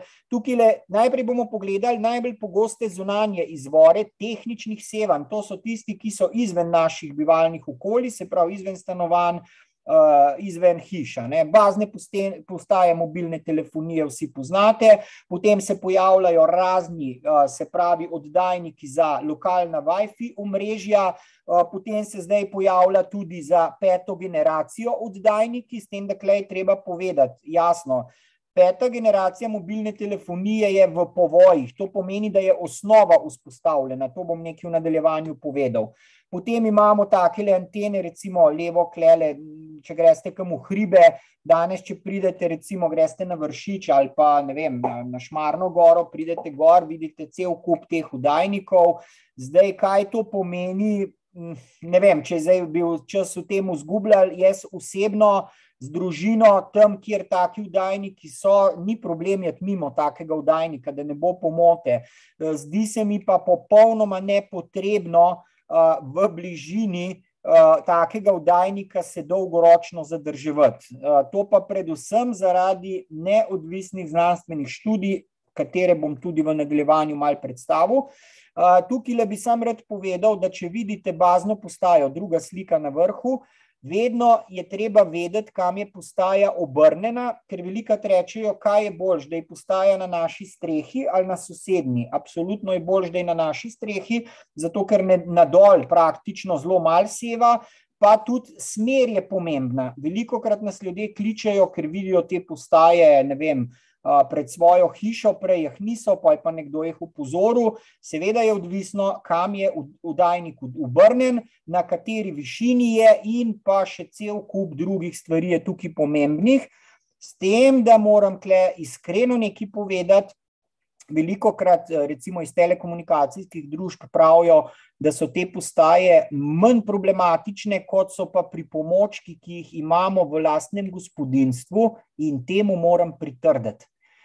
V lastnem gospodinstvu je cel kup pripomočkov danes, ki nam veliko bolj lahko delajo probleme, kot pa bazne postaje mobilne telefonije. Seveda, pravim še enkrat, pod določenimi pogoji so lahko tudi problematične, ampak treba je vedno upraviti meritve, da vidimo, kaj dejansko na terenu. Kateri, kateri pripomočki so to, naprimer? Če začnemo, recimo, Uh, dekt telefon, uh, hišni, to je slušalka, bomo tudi v nadaljevanju ga omenili. Uh, router, določeni ujačevalci, se pravi Wi-Fi omrežje, odvisno, kje ga imamo, pozicioniranega. To je vse, tukaj je cel kup odvisnih stvari. Indukcija, uh, potem takih pripomočkov, ki jih ne uporabljamo stalno, kot so recimo feni, klorifer, se pravi grelna telesa, električno talno gretje. Ne govorimo o talnem vodnem gretju, da ne bo pomote, pa cel kup še drugih. Uh, glavni... Kako moraš biti stran od te postaje, da ti ne škodi? Uh, mislim, te, da ti ne škodi, je težko odgovoriti. Ampak, če pa govorimo o tem, da probamo doseči uh, mednarodna priporočila, pa tisto, kar neodvisna znanstvena stroka govori, potem moramo pa vedno opraviti meritve. Zakaj? Zaradi tega, ker so tukaj odboji. Najbolj neodgovorno, to bo tudi zelo dve skice, bom pokazal točno to, kar si me zdaj ti vprašal. Ker to je vse, bom rekel, ugibanje. Ugibanje mhm. zakaj? Če ne upravimo meritev, tukaj prihaja do odbojev signala. Recimo konkretni primer, imamo bazno anteno mobilne telefonije, Če je že en drevo vmes med to bazno postajo in našim stanovanjem, se pravi v vidnem polju, bojo ta sevanja ekstremno nižja. Če je vmes ena hiša ali en blok, bojo ta sevanja občutno nižja. Vedno je problem, ko vidimo oddajnik v vidnem polju, da ni veliko oddaljen, da je obrnen proti nam in da je na isti višini, kot je naše stanovanje oziroma hiša. To je najbolj, bom rekel, potem je pa seveda tudi odvisno, s kakšno močjo oddaja, pa cel kup je še tukaj nekih drugih dejavnikov. To se pravi, to se pravi v teoriji. Lahko bi bil tudi deset metrov stran od naše hiše, ampak če je obrnjen v kontrasmer, je praktično neškodljiv. Točno tako, točno tako, ampak spet ne pozabiti, če je v kontrasmeri, dajmo reči, neka uvira, se določen signal potem spet odbije, lahko tudi nazaj. Tako da tukaj je cel kup stvari. Jaz po matični izobrazbi prihajam iz elektro- oziroma telekomunikacij, zato so mi te stvari uh, poznane. Uh, ampak uh, najlažje tukaj rečem tako, da meritve so tiste, ki nam lahko pokažejo, uh, kakšno je dejansko, dejansko stanje. Zdaj pa pridemo do nizkofrekvenčnih zunanjih izvorov. Še vedno smo pri zunanjih izvorih, to so pa. Se pravi, ja, Igor, se mi zdi, da je to zelo pomembno. Ne? To je to, ko smo se mi dva pogovarjali, da si to podaril. Imamo nizkofrekvenčne sevanja, pa imamo visoka, ta brežična tehnologija. Pa delujejo na visokih frekvencah. Ne? To sta dve, dve kategoriji. Ne? Dve kategoriji, ampak to sta tako po domače ločene. Ja, Ker potem imamo še pri nizkofrekvenčnih, imamo magnetna polja, električna polja, pa spet mm. imamo potem uh, izmenična, enosmerna oziroma statična. Tlej cel kup uh, stvari, ki ponavadi ljudem niso zanimiva, tok, zato ne gremo v te detajle, ampak bolj povemo tako, da povežemo z samimi izvori. In zdaj konkretno tukaj, ki sva, to so zdaj, kot se rekel, nizkofrekvenčna sevanja. Ne? To pa povzročajo, se pravi, magnetna polja, električna polja oziroma električno polsko jakost. Uh, in tukaj, uh, zdaj, seveda, ljudje spet sprašujejo, kaj je razlika, kdaj je magnetno polje, kdaj je električno. To je spet uh, najlažje rečem tako, da uh, električna polja so prisotna vedno, ko je nekaj priključeno na omrežje, se pravi, je pod napetostjo. Magnetna polja se pa pojavljajo, ko tok steče, se pravi, ko so neki pretoki. Tukaj, recimo na levi sliki, imamo daljnovod, ki povzroča in električna in magnetna polja. Zdaj, po zakonodaji, če je, mi ne merimo zakonodajno, to takoj povem, ker tudi ni v našem interesu, ker če bi zakonodajno merili, e, niti nismo akreditirani za zakonodajno, ampak tudi nas ne zanima to, ker če bi zakonodajno merili, potem stavbne biologije ne moramo upravljati, ne? ker to je čist, e, bom rekel, druga zadeva. Ampak hočem reči, da najbolj verjetno zakonodajno je v Sloveniji, saj če mi tako informativno pogledamo, ne, ne spomnim se, da bi kadarkoli bilo karkoli, da bi šlo čez uh, zakonodajne vrednosti. Jaz mislim, da v Sloveniji tako telekomunikacijske družbe kot elektroindustrija popolnoma izpolnjujejo zakonska določila. Seveda, gotovo so kje primeri, ko, ko tudi ne, ampak v veliki, veliki večini, ker ljudje imajo ponavadi pomislek, da ne izpolnjujejo zakonskih določil, ampak to ne drži. To, to, to je zgrešeno mnenje. Problem je, prav, Igor, si postaviti hišo pod daljnovodom ali ne, ne, to te malo provociram, ampak koliko naj bi bil ti stran od tega na oko, če lahko Če lahko to sploh poveš, no? da si lažje predstavljamo. Ja, problem, problem je ravno zaradi tega, ker spet ne veva, koliko močen daljnovod je to. Razumeš, se pravi, kakšni so pretoki. Recimo, da ti konkretno povem, tudi ko imamo te največje daljnovode, je pomembno, kdaj merimo je pomembno, katera ura v dnevu in v katerem letnem času. Zakaj? Zaradi tega mi vedno, recimo, ko pa neki stranki, ki živi zraven daljnovoda. In so, recimo, meritve pokažejo, ne vem, dajmo reči, tam okoli 100 nanoteslov, kot je priporočilo. Vedno svetujemo, da se meritve ponovijo, če merimo, recimo, ne vem, spomladanskem času. Zakaj? Zato, ker poleti ljudje uporabljajo električno gretje, poleti uporabljajo klimate. Poje, recimo, če merimo popovdne ali pa za vikend, Uh, recimo, industrija je takrat ustavljena, so pretoki manjši, so tudi magnetna polja manjša. In zdaj, da se vrnem k temu, kar si vprašal.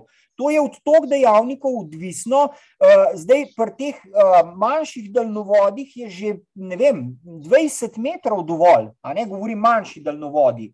Ko pa govoriva o večjih, teh največjih daljnovodih, je pa včasih tudi recimo 50 metrov, 100 metrov še zaznati uh, ta povečanja, ko govorimo o priporočilih. Zato je vedno uh, treba, žal, te stvari pomeriti. Ne? Včasih tako deluje, uh, da recimo, ne vem. Uh, Žal ni drugega pristopa, če hočemo dati od sebe profesionalen odgovor. Ker recimo naš kolega, inženir Arh, smo enkrat, smo, on pri nas te elektrozadeve izvaja, pa zaščite, uh, Uh, sva eni stranki poskušala, ker se je mudilo na hitro, ker je na vsak način hotel vedeti, ampak ker po telefonu ti ne veš, kakšno je dejansko stanje, potem sva, sva neko oceno dala, drug dan sva šla pomeriti, sva ugotovila, da smo se praktično za 40% zmotili. Uh, zato nikoli, ne pri brezžični tehnologiji, ne pri nizkofrekvenčnih, tega ne moramo delati na pamet. Klele bi rad samo še povedal, ne, ki je spet zakonodaja. V glavnem, tako le, ki so hiše, če lahko me drugače vprašaš. Če bi jaz za svojo družino postavil hišo tako, kot klele vidimo na sliki, je moj odgovor absolutno nikoli. To je moj odgovor. To je pač, eh, kot eh, bom rekel, stavbni biolog z desetletnimi izkušnjami, je moj mnenje, da se za kaj takega ne bi odločil nikoli. Uh, tole je zanimiv primer, klele od spodaj, na sicer luštna parcela, uh, ki jo je en par dobo za poročno darilo, uh, kaj tudi sicer vse po zakonodaji, uh, ampak uh, meritve, ki smo jih delali, so pa pokazale, da uh, enostavno so vrednosti glede na ta priporočila previsoka. Zakaj? Zato, ker je elektrarna od zadaj, pa te vodi so zelo v bližini. Eh, seveda, klele tik prvi del pricele ni bil problematičen, problematičen je bil tale zadnji del. Klele je pa desno še ena hiša, ki pride električno napajanje po zraku. Tukaj moram biti jasen, kadar pride napajanje po zraku, to je bistveno večji problem kot pa v sodobnih hišah, kjer pride napajanje po zemlji. Potem imamo še od zunanjih izvorov elektrarne, visokonapetostni ulični podzemni vodi, to so veliki problemi, se pravi, recimo v mestih, ko grejo po ulici vode, ki napajajo vem, hiše, bloke, potem visoko napetostni vertikalni vodi v večstanovanskih zgradbah, to sva tudi pri tebi merila, pa nikjer na srečo teh problemov ni. To pomeni um, vertikalni uh, vodi, po katerih teče elektrika gor do sosednjih stanovanj. Tam so lahko električna in magnetna polja uh, problematična. Pa so pa še visoki napajalni vodi za industrijo, pa industrijski obrati.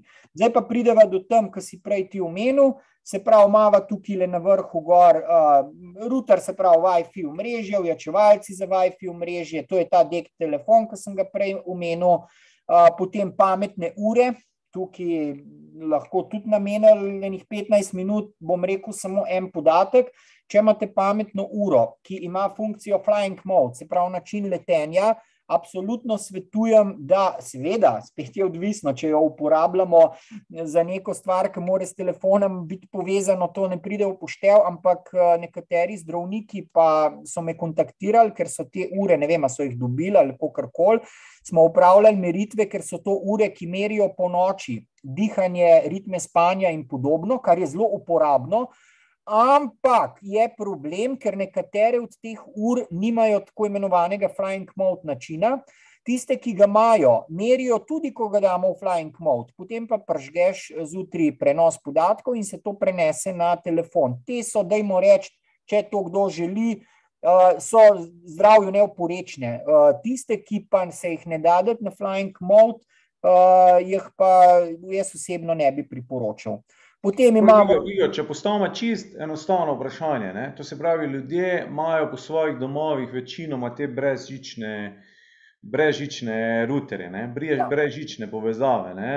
Ja. Jaz, ne, dobro, zdaj jaz ponovno uporabljam kabel, ampak je že zadnjih, ne vem, sedem, osem let nisem uporabil kabla, ne imam laptopa in tako. Zdaj, koliko je ta Wi-Fi dejansko škodljiv, koga moramo biti to, mislim, zaskrbljeni, ali kakšne posledice se lahko pojavijo? Uh, lej, to bomo do tam prišla, ko bomo prišla do znanstvenih študij. Tam bom mhm. povedal konkretno to, kar zdaj le me sprašuješ. Uh, zdaj, ključno je tukaj, da ne ljudje se fokusirajo na eno brežično napravo.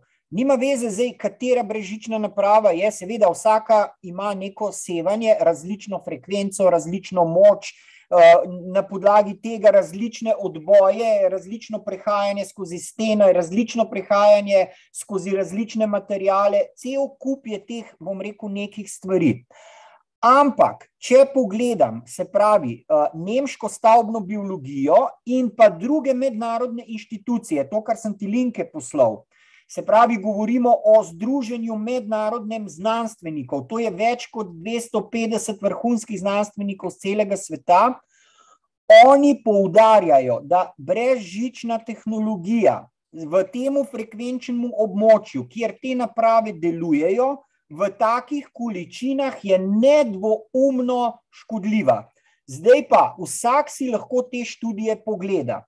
Na drugi strani imamo pa znanstveno stroko, ki je večinoma naročena iz strani industrije in jim potem tudi državne inštitucije prisluhnejo, ki pa pravijo, ne vsi, ampak večinoma, da te stvari niso tako problematične.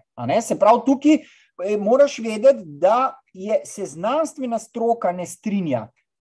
Neodvisne znanstvene študije Uh, mislim, da je zdaj objavljenih, danes sem šel gledati, 498 znanstvenih študij, ki govori o problematiki, tudi razloženo. Tudi, recimo, uh, potekala je mednarodna zdravstvena konferenca leta uh, 2020 uh, preko Zuma. 60 predavateljev, znanstvenikov, zdravnikov, večinoma medicinska stroka iz celega sveta, Uh, jaz sem iz Slovenije se edini udeležil kot slušatelj, bila je še ena zdravnica slovenska, ki je bila tudi navdušena. Uh, pozvali smo sicer zdravniško zbornico, da bi prijavila vsaj 3-4 zdravnike. Bom tudi v nadaljevanju povedal, zakaj, ampak žal odziva ni bilo nobenega. Jaz bi klele zdaj nadaljeval s tole brezžično tehnologijo, pa se bova temu potem še tam dotaknila. Brezžične kamere, brezžična vsa ta tehnologija, baby varuške, brezžični sesalci, brezžični pomivalni stroji, pralni stroji, tega je danes tok, da je to groza. Zdaj pa pridemo do ključnega. Ali je gradbena biologija neka veda, ki želi, da se zdaj človek pomakne za 20 let nazaj, in moj odgovor je takoj: absolutno ne. Kar se tiče stavbne biologije, se praktično uh, vsa tehnologija lahko uporablja, ampak na način, ki je, ki je po priporočilu strokovnjakov, znanstvenikov in neodvisne medicinske stroke zdravju bolj prijazen. To je že sam si povedal. Uh, najbolj je zanimivo, ko danes ljudi vprašajo, ljudi vprašam, zakaj rabijo WiFi. Seveda, če imate vi doma deset naprav, ki delujejo samo na WiFi, potem ga potem je to problem. Tukaj moramo takoj to razčistiti. Uh, večinoma smo WiFi rabili zaradi tega, ker je bil v, v začetku prenos podatkov drag. Paketi so bili mali, pol gigabajta, vsi smo iskali WiFi. Danes je prenos podatkov na telefonu. Bistveno, uh, bom rekel, tega ne porabimo nikoli, razen če gledamo neke HD filme in podobne zadeve. To je druga zgodba. Povprečni uporabnik svojega paketa ne porabi. Kakšna je pa razlika med uporabo telefona, prenos podatkov, na, na, poudarjam, na pravilen način, to je zelo pomemben, ali pa WiFi-jem je pa to noč pa dan, ker WiFi seva 24 ur na dan, uh, se pravi mrežje oziroma router, razmernik, uh, da bomo bolj točen povedali, ali pa uječevalec signala, karkoli. Uh, ne glede na to, ali mi rabimo tisti trenutek njegovo storitev ali ne rabimo. Obstajajo tudi malo drugačni modeli, ampak ne vem, če ima en procent slovencev, uh, bom rekel, take ruterje v svojih stanovanjih, ki tudi nekako znižajo signal, ko ni uh, porabnika preklopljenega. Uh, samo tega, tega, tega ljudje večinoma niti ne poznajo. Ključno je to, da tehnologijo razumemo. Zdaj, smo pri tem, bom še eno stvar povedal, to so sicer na, na nekaterih naših predavanjih imamo konkretne nasvete, kako uporabljati telefon, kako uporabljati domačo pisarno, kako uporabljati eh, tablico, laptop, eh, računalnik. Jaz se bom zdaj, ker nimamo toliko časa, izključno na telefon fokusiral. Če želimo, da, smo, da zmanjšamo, to ne pomeni, da ne bomo obsevani, da ne bo kakršne koli pomote, ampak da bistveno zmanjšamo uh, obsevanost, je treba svoj življenjski slog temu malo prilagoditi. Se pravi, ključne zadeve. Na telefonu imamo izključeno Bluetooth, WiFi pa prenos podatkov in prenos podatkov pržgemo, ko to rabimo. To pomeni, želimo maile pogledati, pržgemo prenos podatkov, uh, pogledamo nazaj, izključimo. V tem primeru telefon minimalno, seveda morajo biti izklopljene tudi vse sodobne tehnologije, kot so denarnica in podobne zadeve, To je spet, eh, bom rekel, cel kup novih zadev zdaj, ampak v tem primeru telefon minimalno v času mirovanja seva. Drugač bom še povedal, če se z avto vozimo, pa je telefon v takem stanju, bo ojačal signal, ko se prijavi na novo bazno postajo in potem spet uh, zmanjšal. Če je pa priključena katera koli od ostalih stvari, pa stalno išče naprave, s katerimi se lahko poveže, in smo praktično stalno obsevani.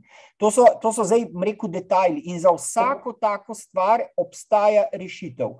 Domače, doma uporabljamo uh, kable, se pravi, kable uh, UTP. Uh, UTP je minimalna rešitev, mi pred, uh, priporočamo FTP kable. Eh, zdaj, kaj je razlika med FTP in UTP? Kdo je iz te stroke, bo vedel. Na kratko povedano, FTP so zaščiteni kabli, ki jih lahko tudi uzemljimo, ker se lahko po uh, se pravi, mrežnem kablu se lahko prenaša tudi električno polje. In mi lahko dobimo preko laptopa direktno električno polje na področje pisalne mize. Če se to zgodi in uporabljamo FTP kable, je to dosti težko rešiti, eh, oziroma UTP, če pa uporabljamo FTP, ki so višja kategorija, se pa to dokaj enostavno da eh, rešiti. Eh, se pravi, vse te stvari, ki zdaj v njih govoriva, se da rešiti do takrat, ko imamo neke nastavitve. Je pa vse več produktov, ki nima več možnosti v nastavitvah. Danes imamo stranke, ki kupijo sodoben televizor, prinesejo ga domov, pokličejo nas, ker smo jim, recimo, govorim zdaj o ljudeh, ki, so, ki že vejo, da so hipersenzibilni, da so občutljivi na elektromagnetna sevanja. Uredili smo jim hišo, in potem nas kličejo čez pol leta, če lahko pridemo kontrolne meritve narediti, ker je gospod rekel, da ko sta v dnevni sobi z gospod, jih po nekje pol ure ponavadi boli glava. On je bil prepričan, da so sosedje, kakšen uh, ujačevalnik naštimali ali karkoli. Ko smo meritve prišli narediti, smo ugotovili, da sevanje prihaja iz televizorja. Uh, seveda v televizorju noter od Bluetootha, Wi-Fi-ja, ampak to, kar sem hotel povedati, je pa to, da v nastavitvah se ni več dal tega izklopiti. To je pa zaskrbljajoče. In danes imate cel kup produktov, od pametnih sesalcev do uh, ne vem kaj vse, kjer se tega ne da izklopiti.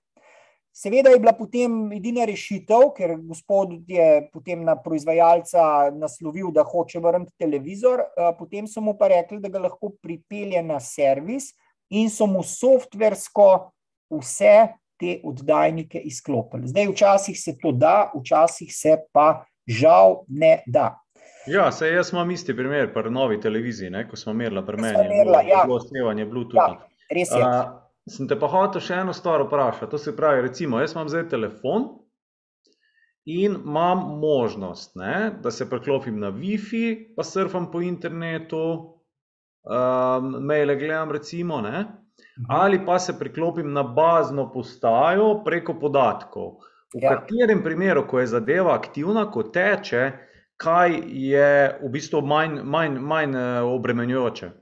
Ja, lej, lej, treba spet eno stvar pritrditi, uh, se pravi, telekomunikacijski industriji, ampak oni to tako zapakirajo, da tisti, ki ne pozna, uh, potem velikrat nasede na napačne podatke. Ko mi uporabljamo telefon, se pravi podatke ali telefoniramo, ne govorimo zdaj o WiFi-ju, takrat telefon deluje z večjo močjo, bolj ko je bazna postaja oddaljena. Se pravi, slabši, ko imamo signal, uh, večje bo tisti trenutek obsevanje. Ampak, klej, zdaj ključna stvar. Dejva reči, da se ti pogovarjaš 10 minut ali pa 5 minut z eno osebo in pošiljaš neke podatke. In ti telefon, če upoštevaš tako, kot mi svetujemo, mi vedno svetujemo, če si v pisarni, telefon položiš na mizo, daš na zvočnik, takrat je že tako oddaljen od tebe, da tudi če dela z največjo močjo, tega problema, kar me ti hočeš vprašati, ne bo. Telefona absolutno nikoli ne držimo tako, kot eh, bom rekel, večina ljudi pri glavi. Če ga že imamo tukaj, ga moramo držati preč tudi sar vrednosti. Ljudje niti vejo, ne, niso merjene, da je prislonjen na ušesu, ampak je odmaknen mal v dušesa. In zdaj, da se vrnem k temu, se pravi, če mi telefon damo na mizo, nekam telefoniramo, pet minut govorimo. Telefon bo takrat, da je reči, da smo v najslabšem primeru, da je bazna postaja zelo daleč oddaljena, bo tisti trenutek telefon z nekaj večjo močjo delal. Pet minut nec, boš malo močneje obsevan, potem ga pa ti izklopil, prekinil si, eh, se pravi zvezo in si dal izklopil vse te tri stvari, ki sem ti rekel. Od takrat naprej telefon ne bo seval več, naslednjih 55 minut boš ti obsevan minimalno, bazna postaja je deleč, se pravi, od nje imaš zelo mali sevanje, ker imaš nizek signal, od telefona, ki je prijavljen na bazno postajo, boš obsevan minimalno in tle je sevanje nizko. Zdaj pa drug primer pogledajva. Nimamo uh, nekdo drug pod istimi pogoji, ima pa pet metrov od sebe router, se pravi uh, razmernik, ki bo zdaj seval in ti kličeš pet minut. Tistih pet minut bo tvoj telefon seval malo manje, kot pa je takrat z bazno postajo, ampak ti si obsevan ekstremno veliko od routerja, da je pa zadeva še hujša, ko boš ti po petih minutah zakončal klic, boš naslednjih 55 minut še vedno obsevan. To je tisto, kar ljudje ne zastopijo in potem nasedajo nekaterim razlagalcem, eh, strokovnjakom telekomunikacij, ki rečejo, najbolje, da imaš bazno postajo pred hišo, zato da ker boš telefoniral, bo takrat telefon delal z manjšo močjo in boš manj obsed, eh, obsevan. Se upravičujem, ampak to je čisti natek. In tukaj je treba poznati, kako tehnologija dela, da lahko te stvari razlagamo. Seveda, vedno so pri določenih zadevah odstopanja, da je treba še druge stvari upoštevati, da so tukaj še drugi faktori. Ampak jaz sem ti zdaj na splošno opisal točno to, kar si mi rekel. Mhm. Zdaj pa še tle bi sam poudaril, recimo, kaj je problematično. Dimari so problematični, ker se pojavljajo velika magnetna polja ob dimarih. Potem treba je vedeti, ki imamo v hišah elektroomarce, To so zelo pomembne zadeve, kabli, ki grejo do elektroomarc, napajalni. To je največkrat napaka pri novogradnjah. Električna talna gretja, večinoma ekstremna magnetna polja in električna. S tem, da še enkrat poudarjam, ne mešati vodno, da je vir voda, to je ne, ni problematično. In pa recimo v kuhinjah zdaj arhitekti priporočajo te nizke luči. To absolutno odsvetujemo zaradi velikega električnega polja, ki se na področju kuhinjskih mis potem pojavlja. Potem imamo indukcijo. Tukaj indukcija, jaz osebno, ali pa rekel, gradbeni biologijo odsvetujejo na podlagi spet nekih znanstvenih študij glede magnetnih polj. Indukcija ima izredno visoko magnetno polje, 20 tisoč nanoteslov, lahko več. Um, dočim recimo navadna elektrika, steklo, keramika ima tam nekje 2000, to so na kratkih razdaljah, da ne bi kle kdo mu pomote, to ne pomeni, da če nekdo na indukciji kuha, da bo nekdo za kuhinjsko mizo tri metre preč, ne bo nobenega vpliva imela indukcija. Govorimo o človeku, ki indukcijo uporablja, to so pa lahko bodoče mamice, bodoči očetje, eh, nosečnice, to so pa stvari, ki so pa potem je pa druga zgodba. Ne? Eh, tako da indukcija najboljš je plin, ker je najbolj približek ognju. Govorim iz strani sevan, pa eh, recimo Sanja Lončar, tudi velika na predavanjih omenila, pa tudi drugi strokovnjaki, to ni del stavbne biologije, ampak hrano najmanj uniči um, tisto, kar je najbolj približek ognju. Seveda, temperatura naredi svoje, da, da ne bo pomote, ampak poleg temperature ima indukcija še druge, bom rekel, vplive. Tako pravijo te, ki se s hrano ukvarjajo, jaz nisem strokovnjak za to. Potem so kloriferi, klimatske naprave, so problematične lahko v določenih primerih.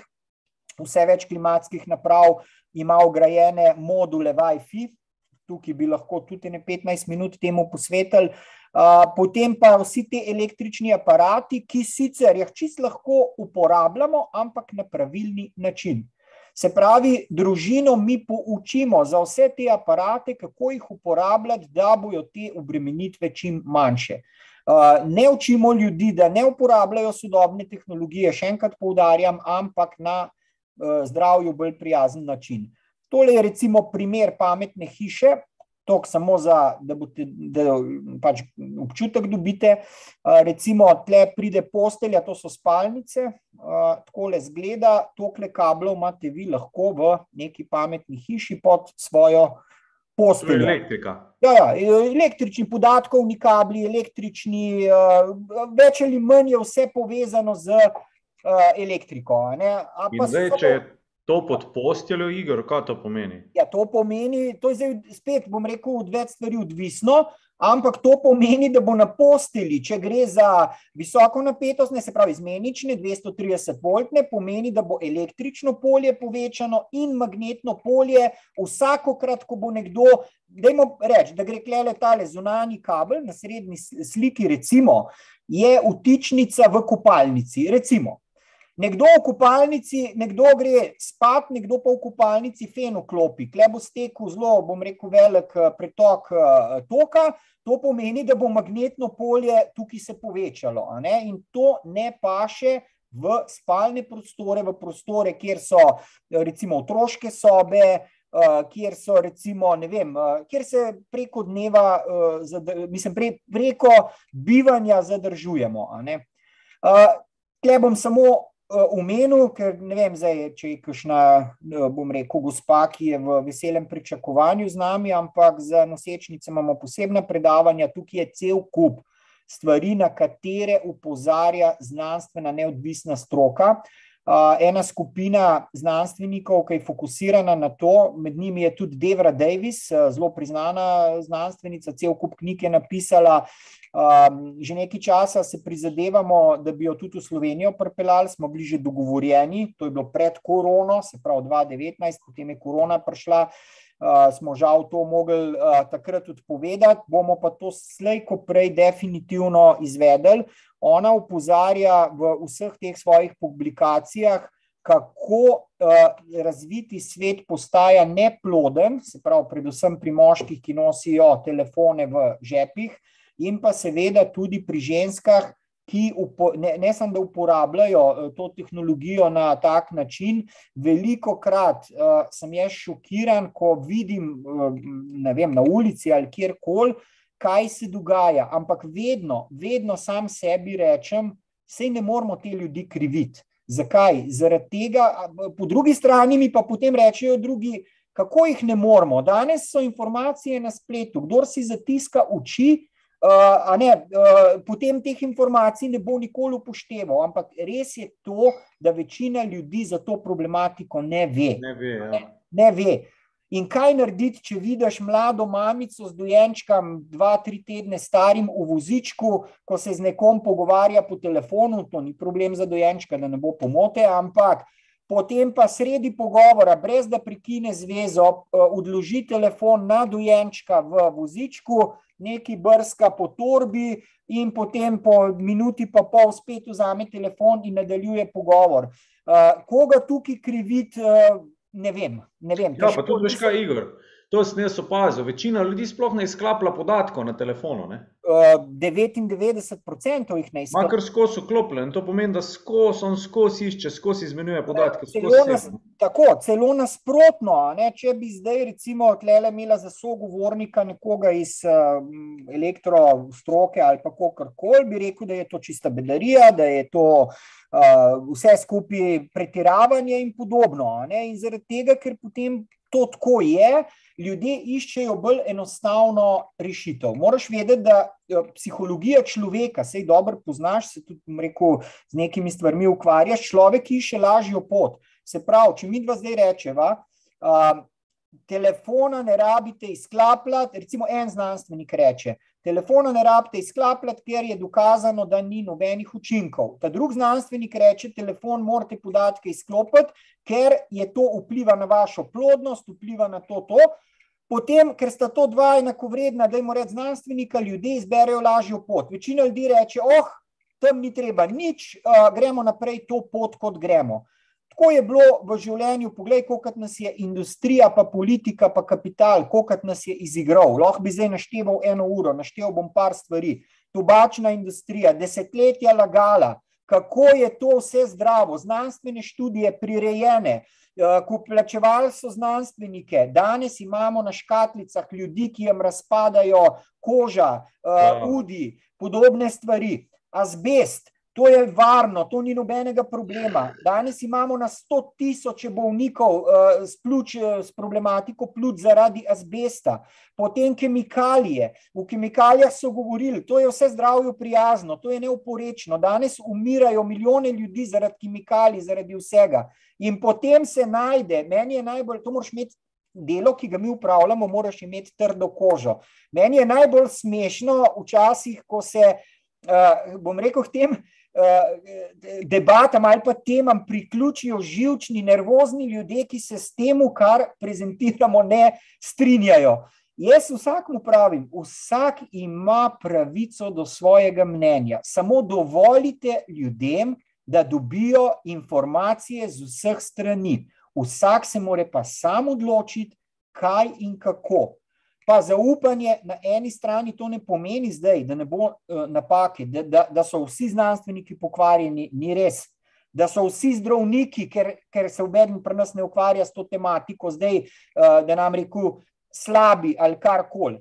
Meni je tudi zaradi napake, ali pa ne napake, zaradi, bom rekel, doktrine zdravstva. Tep sem povedal zgodbo pred leti, ko sem hudo zbolel. Uh, so mi dobesedno uh, ukrnili dve leti življenja in tudi, bom rekel, neke posledice, uh, še zaradi tega imam danes, pa ni zaradi tega, da bom zdaj rekel, da pa zdravnikom ne zaupam. Jaz zdravnikom kot posameznikom, kot ljudem, absolutno zaupam. Ne zaupam pa več zdravstveni stroki, ki je prodana duša, kot celota zdaj gledam. To pa pomeni, da vmes imamo pa vrhunske kadre, vrhunske zdravnike, vrhunsko osebje, ki se trudi tudi zdaj v času pandemije z, z ljudmi, jim pomaga. Da govorimo o medicinskih sestrah in podobno. Tukaj je cel kup ljudi, ki sem jih v svoji že prej v življenju, pa v prejšnjem delu, ki sem se ukvarjal, pa zdaj spoznal uh, in lahko samo dobro v njih. Uh, seveda so pa med njimi, vse več jih je, uh, ki je pa zadeva, da ne rečem, skorumpirana, prilagojena kapitalu, prilagojena raznim uh, interesom, lobijem in podobno. Zdaj bom pa tle naštel tri primere. Za tist, dotaknil se bom tega, kar si ti, se pravi, me parkrat vprašal. Tukaj le imamo en tak primer, recimo v letu 2019 je bilo 11 takih primerov. Po navodilu nekaterih terapeutov, to so lahko bioresonančni terapeuti, zdravniki ali kdorkoli, ki so nekje slišali, da elektrosmog, elektrosmog to je neka to ni teh, mislim, strokovno je elektromagnetna sevanja, ne, da ne bo pomote. Pač uporabljajo nekateri elektrosmog, pa potem tudi rečemo, zato da ljudje lažje razumejo. Ampak da elektrosmog povzroča lahko neke probleme. In potem rečejo ljudem, odstranite iz spalnih prostorov. Uh, recimo radio uro, ta je lahko zelo problematična, lučke ob posteli, eni celo limajo folijo na vtičnice, razne zaščite od uh, orgonitov, raznih nalepk, ne vem kaj še vse. Potem pa mi pridemo uh, meritve narediti, pa nam ljudje povejo, kaj so naredili in kaj je razlog uh, tega, da praktično niso nič naredili. Zdaj bom pa povedal, zakaj. Zdaj nekdo, ki je z elektrostroke, bo takoj zastopil, zakaj gre. Uh, recimo, tukaj imamo Eh, rdeč, eh, rdeča linija, to je en vod. In zdaj te stranki, konkretni, ki le vidimo, je nekdo rekel, da naj izključi varovalko, da bojo tele vtičnice izklopljene. Stranka je to naredila. Ampak je električno polje padlo iz 145, klej je sicer napisano za lučke, pa za radio ure. Ampak zelo podoben primer je bil, ko ni šlo za lučke, ampak je šlo za vod. -hmm. je padel za nekje 10-15 voltov. Ampak električen pole, ki bi mogel pod 5 voltov na meter padati, nikakor ni padel. Stranka tega ne ve, brez profesionalnega inštrumenta to ne moreš vedeti. Ne? Ko smo pa mi poslo poskinirali, je bil pa električen polje še vedno prisoten in zdaj bom povedal, zakaj. Zaradi tega, ker vidite plavi kabel, ki je pa elektroinstalacija od sosednega prostora, od kopalnice ali pa recimo v bloku od soseda, na katero sploh nimamo vpliva, ki je pa prenesla električno polje na tole, eh, se pravi, rdečo linijo in pa na kovinsko posteljo, na kateri je oseba spala. Pa tudi, če ne bi bilo kovinske postelje, bi se preko te linije preselil, ter mene pa kažejo, dokje je bil povišen električen pole prisoten. Se pravi, na kompletnem področju glave, pa še reku zgornjega dela telesa. En primer podoben smo imeli, je pa tale modra linija, je bilo pa v bloku, oziroma ne vem, je bil zdaj blok ali hiša, se ne spomnim več, je pa po tleh, se pravi po stropu spodnjega stanovanja, šel en električen kabel, ki je bil stalno pod napetostjo. In ti lahko v svoji sobi delaš karkoli, nimaš nobenega vpliva. Eh, da ne bo pomote, mi to vse rešimo z ukrepi. Samo hočem povedati, kakšna neodgovornost je od nekaterih ljudi, veliko krat od radiostezistov, celo nadaljavo govorijo ljudem, smo pomerili, jaz pravim, radiostezisti, ki merijo zemljska sevanja, da, se, da smo si na jasnem, Hartmanova mreža, Karjeva mreža, magnetna polja zemlje. To je čist dobrodošlo. Radiostezist, ki je dober in to meri, je lahko v pomoč na teh področjih. To, eh, bom rekel, ni del tega, kar se mi danes pogovarjamo. Ampak, ko pa oni z nihali začnejo meriti električna polja, takrat pa se uh, lahko začnemo malo drugače pogovarjati, še posebej takrat, ko merijo električna polja in potem prodajo čudežne pripomočke ljudem, ki so v pokoju, že tako z nizko pokojnino vzamejo kredit za to, da neke čudežne pripomočke uh, kupijo, ki nimajo popolnoma nobenega učinka na elektromagnetna sevanja, celo, celo poudarjam, nekateri pripomočki jih poslabšajo. Ampak obstajajo pa tukaj tudi ostale zadeve, recimo, tukaj bom konkretno omenil, se pravi, uzemljitve, ki so pa dobrodošle, ki jih tudi stavbna biologija pozna. Kaj so uzemljitve? Uzemljitve kot grounding pomeni, da smo uzemljeni z uh, zemljo, se pravi, da imamo stik z zemljo. Tukaj ne bom razlagal stvari, ker si ti strokovnjak za, za bom rekel, ta področja. Uh, to so pa zadeve, ki lahko z strokovnimi inštrumenti pomerimo in dokažemo, da delujejo in služijo svojem namenu. Edino, kar bi tukaj upozoril, to smo mi dva že veliko govorila, obstajajo razmišljanja znanstvenikov in trditve znanstvenikov, ki so si tudi v enih pogledih različne, da če mi prej ne odstranimo električnega polja v spalnem prostoru in se uzemljimo, pomeni, ne da zdaj mi ulečemo na sebe električna polja, ker električnih polj ne moreš uleči, ampak ko električno polje pride do nas, se preko nas odvede v zemljo. Zdaj pa tukaj so pa upozorila, da je to lahko problematično. Celo ljudje, ki so recimo te ozemljitve nastavili, pa so imeli izredno visoka električna polja, so to nekako občutili. Zato je tukaj na, naš nasvet, ki ga že kar bom rekel nekaj časa, to je tudi nasvet nemške stavbne biologije, da absolutno zemljanje ja, ampak z priporočilom, da se hkrati, ko se ta pripomoček kupi, tudi odstrani, eh, se pravi, električna polja na področju postelje.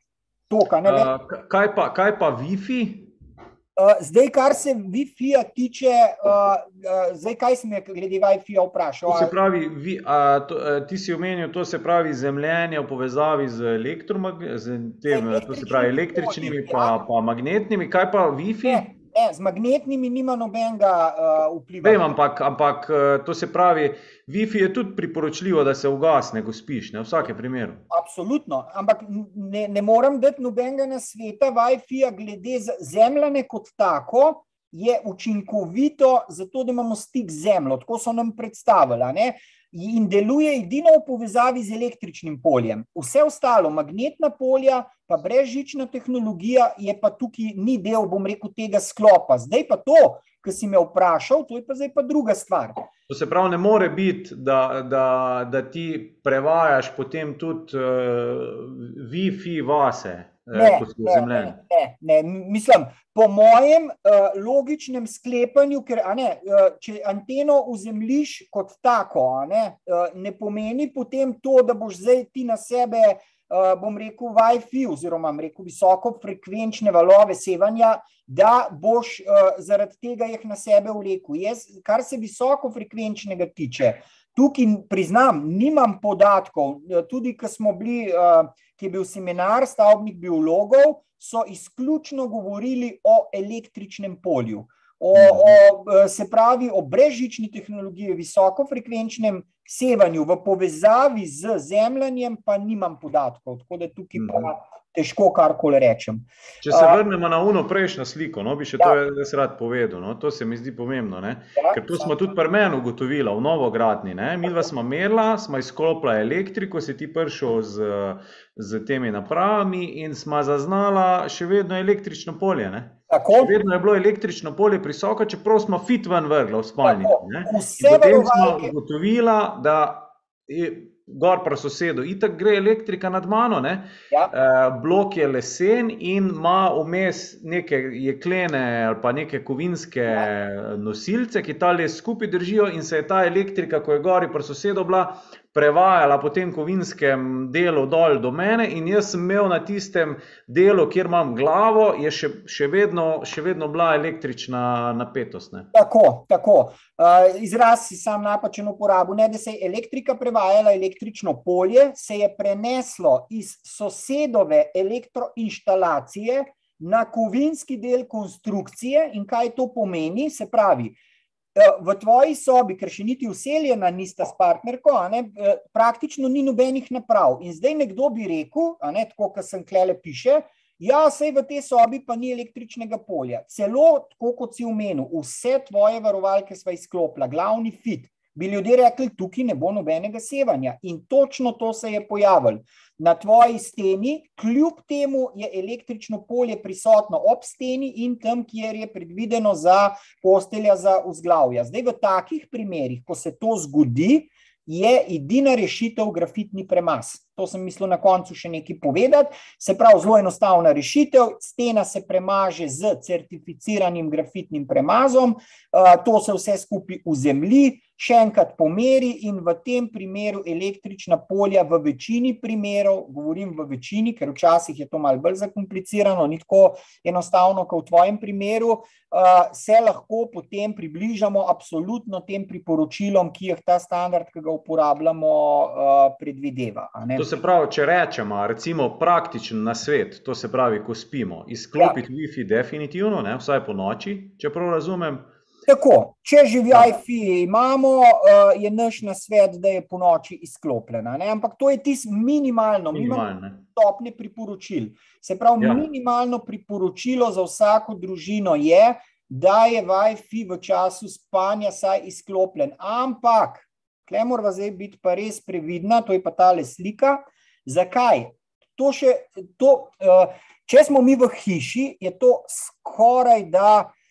Mm, dajmo reči temu dober ukrep. V bloku pa to zelo malo pomeni. Dajmo pogledati, zakaj. Tukaj imamo uh, stanovanje uh, številka dve, to je recimo 14 primerov takih podobnih smo imeli v 2019. Tale router, vidiš, klele, ga je imela stranka v dnevni sobi. In mhm. klele je bila spalnica. In ta stranka je spet po naročilu nekoga tale svoj router izklopila. Ampak ona ni vedela, da ima sosed točno ob steni router, ki je seval na področje postelje spalnice. In kaj je zdaj stranka naredila? Se pravi, svoj router je ugasnila, ampak je samo za 5% obremenitve zmanjšala. Zato pravim, da ni, ni osnovnega pogoja, da brez meritev mi stoprocentno neko zadevo rešimo. To so vse ugibanja. Se pravi, zdaj, če tega routerja pri sosedu ne bi bilo, potem je to druga zgodba. Potem bi ta stranka, da je reč tukaj, ker neka sevanja vedno prihajajo iz odzuni, od baznih postaj, od pač iz okolice. Ampak, če bi svoj router ugasnila, bi najbolj verjetno znižala sevanja za vem, 90%, sigurno. S tem, da bi jih, ki ga je ugašala, jih je seveda znižala v dnevnem prostoru, to je dejstvo, tam, kjer se je router nahajal, ampak klej je bil cilj na področju spalne, se pravi na področju postelja. Ne. Podobni primeri so z dekt telefoni, z, z temi varuškami, da ne govorimo o vseh teh uh, zadevah. Zdaj imamo pa ja, še. Skratka, treba je to res, res pomeriti. Ja. Pa še to bi rad mogoče tale primer povedal. Uh, ti si meni prišel meriti v, v novo gradnjo, to se pravi v novo stanovanje. Sem te pa prosil, sem rekel, Igor, le, tole je na poti, priče v to stanovanje, ko sem zdaj, prosim, prid, pa da ima pomeriti, sam mogoče spalnico na hitrco, zato ker jaz se ne počutim dobro v spalnici, slaba energija je, ne počutim se dobro v tem stanovanju. Dejma, da vidim, če je moj feeling ta prav. A veš, jaz bi se lahko sam preselil, pa bi rekel, evo, fajn, ta nove mi je fajn, tle mi ni bilo, ampak sem rekel, dejma pogledati. Ne? In takoj, ko, ko, ko si ti pršel, si zaznal, uh, to se pravi, povišano magnetno polje. Ja. Najprej magnetno je bil povišen, pa smo ugotovili, da je povišen še električna polja. Brez... Ja, v spalnici. Ja, v spalnici. V spalnici. Ampak da povem za celo stanovanje. Ja. Uh, in si rekel, jaz tukaj ne bi živel. Ne? Uh, ja. Je bilo ful povečano. In kaj smo potem ugotovili, da je tukaj pet metrov stran poteka električni kabel gor na stebrih. In ja. tega jaz nisem videl, pa sem tle že pol leta. Mm. Pa ja. nisem videl, da tam poteka kabel. In tisti kabel je bil tako blizu, da je povzročil tako uh, močno magnetno polje praktično po celem stanovanju. Ne? In potem smo s partnerko spala, jaz na eni strani, ona na drugi strani posle, ona ali pa en izmed naju je bil vedno bliže tistemu električnemu vodu. Ne? In tisto, ko je bliže, je slabše spal. Ne? Mhm. Zato smo se pa, eh, kdo bo na tisti strani, ko je boljša spal. Ne? Kaj smo pa še potem v spalnici ugotovili, da je. Uh, ful povečano elektropolje. Uh -huh, tako, ja. ja. praktično. S partnerko, in še to je bilo zanimivo. Ne? Mi dva smo se uh, intuitivno smo dala, smo dala glave na drugo stran, stran od stene. Uh mhm. -huh. Ker smo tako bolj spali in smo se tako bolj počutili. Ja. Ko si ti prišel s tisto napravo, tam smo ugotovili, da tam v tisti steni je polno nekih napeljav, ja. uh, nikoli pa nismo elektrike izklapljali. Tako da je bilo tam, tam je bilo ful visoko sevanje. Ne? Ampak ja. sam hočem reči, da uh, če si kokr tok mal senzibilen, se mi zdi te stvari, ker intuitivno jih začutiš. No? Ja, in vse več ljudi je uh, tako imenovano hipersenzibilnih. To bom zdaj v zaključku še povedal, še prej pa le tole je zdaj zanimivo. Prej smo imeli primer z Wi-Fi-jem, tole je pa primer iz hiše. To smo imeli pa v zadnjih mesecih, rekel zdaj že par takih primerov, zelo podoben. Tukaj le vidimo, se pravi, razmernik v, v neki prostoru klele in tukaj le vidimo spalni prostor.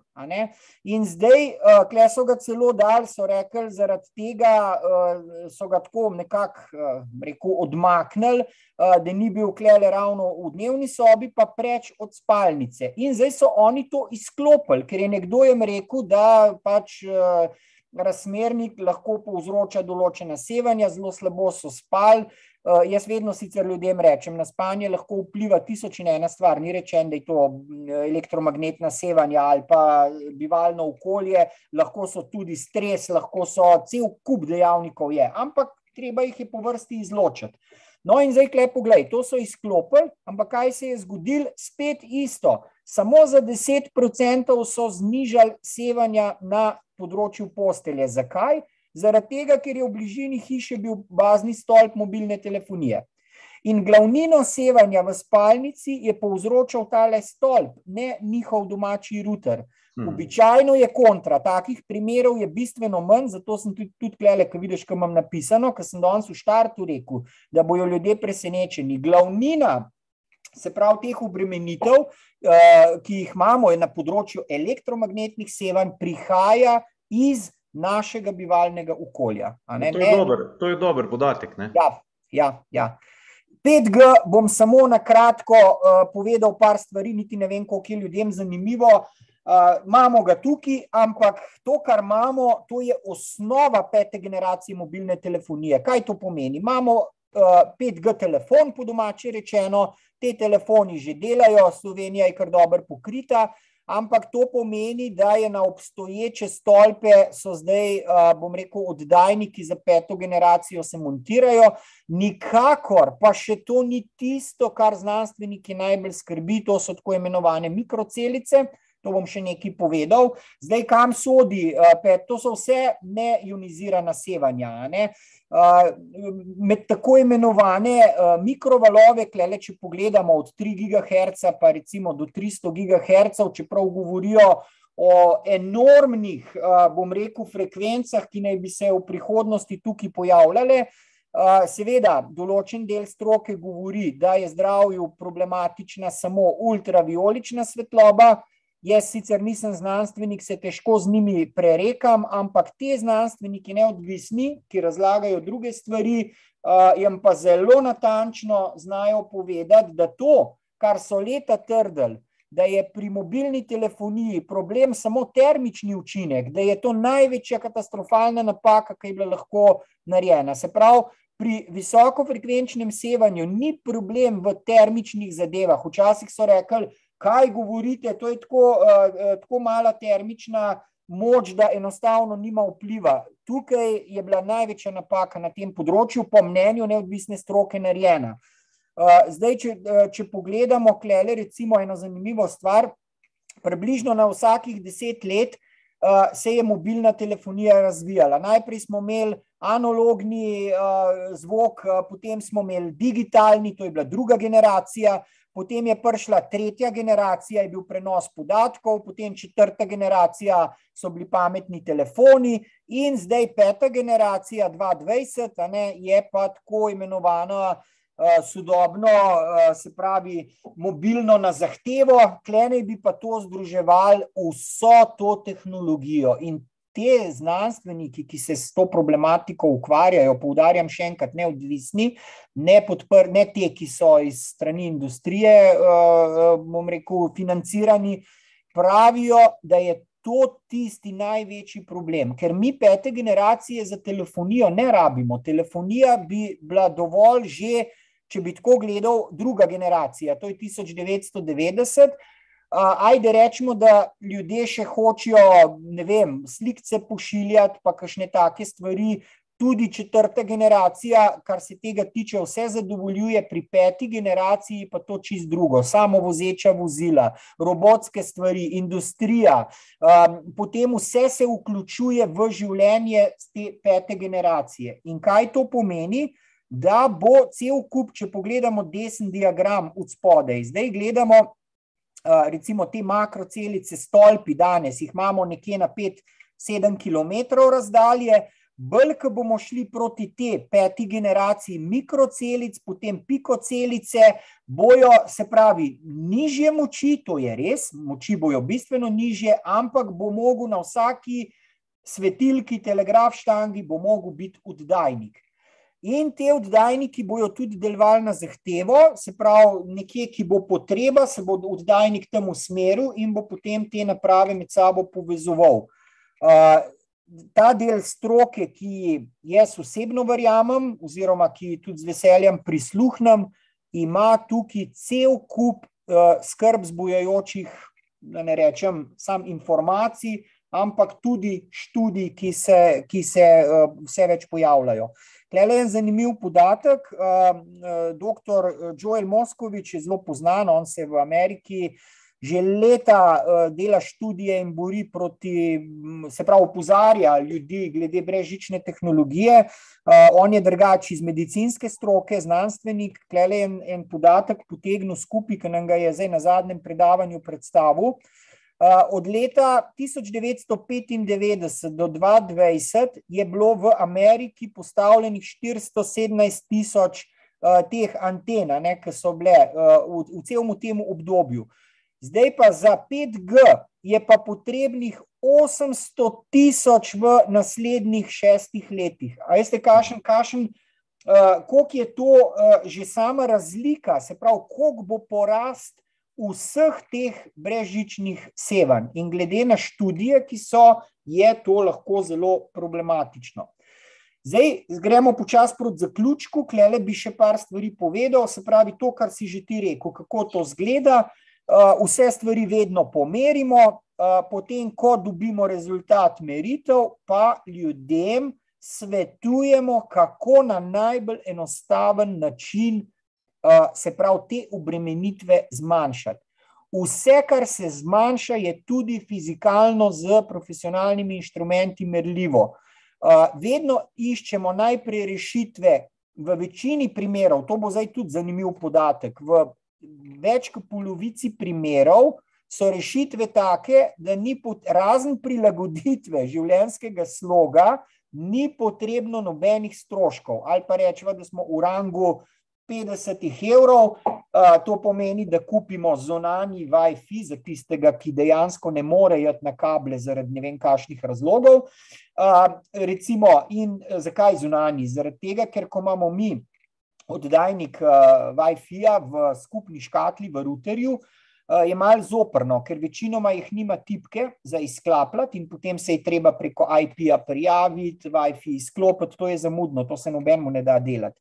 Zato je naš nasvet, da ga mi trajno izklopimo, tega v skupni škatli, kupimo zunani WiFi, še enkrat poudarjam, če ga res rabimo, jaz še vedno trdim, da ga 95% družin ne rabi, in potem tega vežemo na daljinsko vtičnico, tega za 30 evrov, ki ga kupimo, ali pa 40, in ga potem z daljinsko vtičnico priklopimo takrat, ko ga rabimo.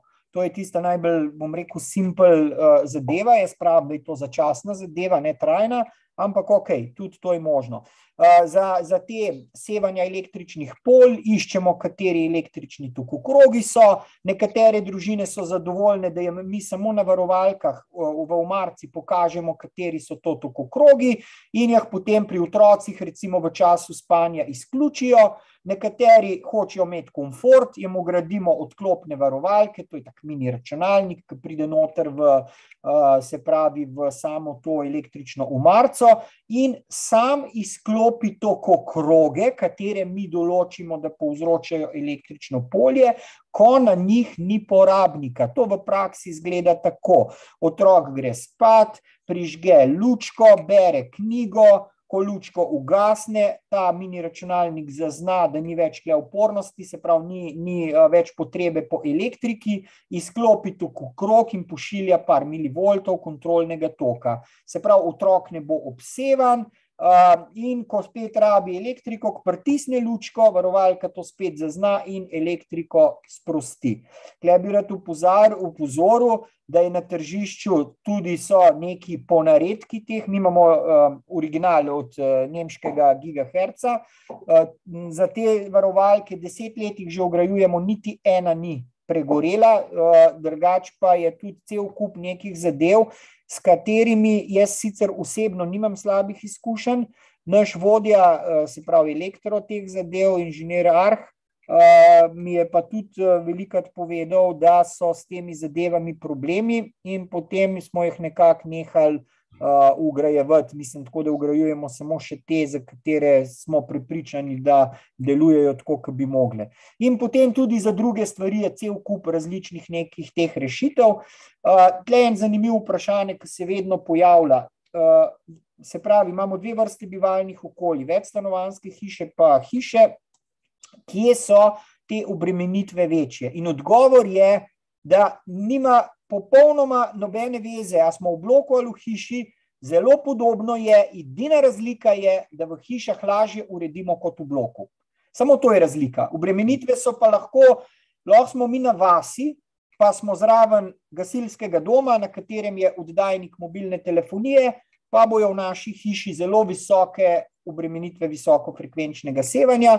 Lahko je en blok nekje, tako kot je recimo tvoj blok, zdaj, ki si se vselil, dejva reči, da bi, upajmo, da bo tako ostal, na zelo zanimivi lokaciji. Zakaj?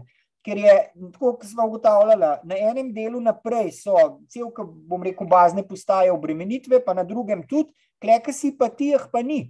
In je za blok izredno nizke obremenitve, iz okolice zdaj govorim.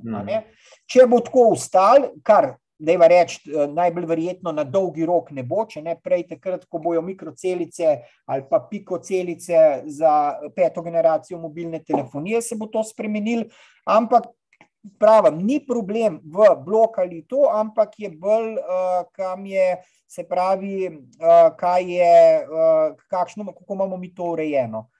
Tule so pa zdaj malo pripomočki, govorim o certificiranih pripomočkih, to so pripomočki za zaščito, ki jih dela nemška firma J-Shield, mi smo uradni uvoznik, od njih kupujejo tudi laboratoriji, vojska, zdajle recimo, ko se je začela v Ukrajini vojna, nekaj časa enih produktov nismo mogli dobavljati, ker bila, so očitno za njih delali, pa je bila potreba po teh stvareh toliko velika, drugače pa tole recimo je odklop, levo je odklopna varovalka, ko smo prej govorili, grafitni premaz, posebne folije za okna, potem to so tako imenovani baldahini, tega se mi izogibamo, ampak včasih ni druge rešitve, v recimo blokih, v določenih primerih, za hipersenzibilne ljudi. To ni za klasične družine, ampak za tem, ko je nekdo v družini hipersenzibilen. Potem imamo za pisarne posebne vklopljene tele podaljške, ki so skoraj da brez sevanja, vklopljene kable imamo, potem so zavese, ki imajo noter poseben material, ki zadržijo devetindevetdeset procentov brezžične tehnologije. Potem so gradbeni pripomočki, mrežce, razni filci, to zdaj ne bom čas zgubljal pa razlagal. No, takole pa izgleda, ko ščitimo fasade, se pravi, kadar so bazne postaje v bližini hiše in želi, bom rekel, zaradi takih in drugačnih razlogov stranka ostati v tej hiši, Veliko ljudi, ki jim bivalno okolje ne ustreza v mestih, se zdaj seli na podeželje, tega je vse več, vse več, ampak še vedno zelo malo. To je pa zaradi tega, ker je ozaveščenost tako nizka. Zgleda pa tako, cela fasada se z grafitnim premazom prebarva, potem pride pa čez zaključni sloj fasadni, tako da niti se ne ve, da je hiša prebarvana. Tole je primer iz Ljubljane ki ga zdaj smo zaključili pred zimo, oziroma ni še zaključen, ker ko temperature padajo pod določeno vrednost, se grafita ne sme nanašati, tako da en delček cokelj je še ostal, to bo zdaj pač se naredil v naslednjem, naslednjih 14 dneh. Potem seveda ta, to more tudi v zemljeno prideti, pa tukaj je še cel kup podatkov, ampak to zdaj mislim, da ne bi bilo zanimivo. No, to je pa zdaj ključno. Za vse tiste skeptike, ki so ta današnji naš pogovor poslušali, priporočam, da si tole spletno stran prepišejo. Tole je stara slikca, prej sem povedal, zdaj je gor že 498 študij. Od tega so medicinske, biološke pa epidemiološke. Vse se dotikajo elektromagnetnih sevanj. Če znate angleško in nemško, imate tukaj vrhunske vire neodvisnih znanstvenikov, ki vam bojo odgovorili na vse tisto, kar vam jaz laično povem. Jaz nisem znanstvenik, nisem niti zdravnik, edino, kar sem, sem stavbni biolog z desetletnimi izkušnjami, tako da te informacije pa znanje vam lahko iz tega področja predavam. Vse, ki ste pa iz znanstvene stroke, pa imate kakršne koli pomisleke, da je bilo danes karkoli rečeno, ne vem, da to ne drži, si pa lahko vzamete čas in začnete te študije tukaj tudi študirati in boste presenečeni. Zdaj, ključno je pa tole. Se pravi, doktor Henry Lai iz Univerze v Washingtonu, on se tudi v Ameriki že leta in leta opozarja na to problematiko in bori, je potegnil skupaj vse študije, tole je sicer mislim, da staro ene tri leta, zdaj je še slika še boljša v to smer, ki jo mi predstavljamo, ampak samo za občutek, Potegnil je vse študije, ki so bile narejene na področju radiofrekvenčnih, se pravi, brezžične tehnologije, in tle kaže, študije, ki jih ni naročila industrija, jih 70% kaže na to, da so, se pravi, nevarni zdravju, da imajo negativni efekt na človeka in seveda tudi naravo. 30% jih kaže, da nima efekta, da je pa zadeva še bolj zanimiva, da pa študije, ki jih je industrija ali politika naročila, jih je pa 32% kaže še vedno, da ima ta efekt, 68% pa da ga nima. Se pravi, tukaj je zdaj čist interpretacija, komu bo povprečen človek, ki nima veze z znanostjo, verjel. Tole je še ena zanimiva, čisto taka tehnična, tehnična, bom rekel, znanstvena ali kakorkoli slika. To je obsevanost glave pri petletnem otroku, desetletnem pa odrasli osebi, ko uporablja telefon pri glavi. To je bolj toliko razmislek, da si nekako lahko predstavljate. To je ena taka, ki sicer ni nič vrhunsko znanstvenega, ampak to učijo v Ameriki že študente, da lahko sami poskus naredite. Vsak, ki ima mikroskop, lahko naredi tale poskus. In če imate doma koga z medicinske stroke, naj vam pa potem on razloži, kaj tole, kar vam bom zdaj pomenil, povedal, pomeni.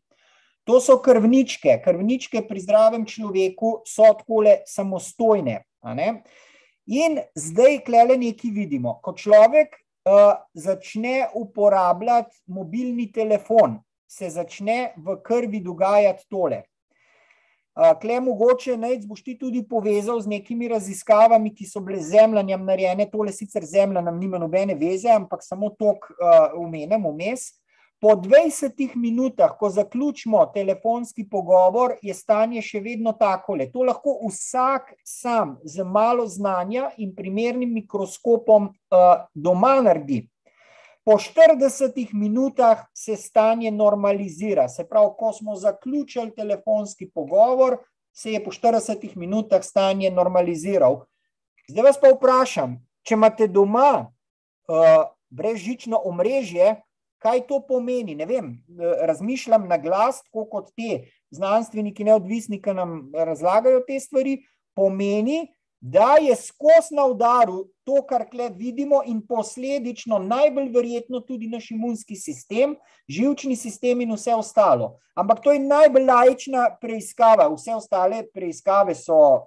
Uh, ne, to niti mogoče kdo, ki je znanstvenik, bo rekel, da to ni, niti ni znanstvena raziskava, ampak je bolj tolmačenje nekega dogajanja, ne, ki se ga seveda lahko vsak interpretira po svoje. Zdaj sem vam pa hotel to pokazati, kar sem Ruter omenjal. Če nekdo govori po mobilnem telefonu od zunaj, pa je oddaljen od 2,70 m, je njego, njegova krvna slika popolnoma enaka. Se pravi, za, za, zakaj? Zaradi tega, ker je ta oddaljenost tako kratka, pa ta sevanja tako močna, da ima vpliv tudi še na človeka, ki je zraven to je čist ena taka, čist enostavna zadeva. Zdaj pa pridemo čist na zaključku do tega, kar sem hotel, zato ker je, ker je toliko vprašanj glede tega. Kaj je elektromagnetna občutljivost? To je elektrohipersensitivity, EHS. V tujini imamo že klinike, ki se s tem ukvarjajo, imamo uradno medicino, ki se s tem ukvarja, potem je pa vedno vprašanje, bogih ljudi pri nas, kaj lahko pri nas nekdo, ki sumi, sumi, ker diagnoze ne more, najmanj mi, mi se sploh ne ukvarjamo z stavbna biologija, ne postavlja nobenih diagnoz, nobenih te, to, mi nismo iz medicine, mi lahko samo merimo, povemo, kaj smo zmerili in kaj svetujemo. Ampak te ljudje, ki so hipersenzibilni, jaz lahko, to pa lahko iz lastne kože povem, ker pred leti, ko sem zbolel, sem imel obdobje občut hipersenzibilnosti na elektromagnetna sevanja in vam lahko iz lastne izkušnje povem, da je to hudo stanje.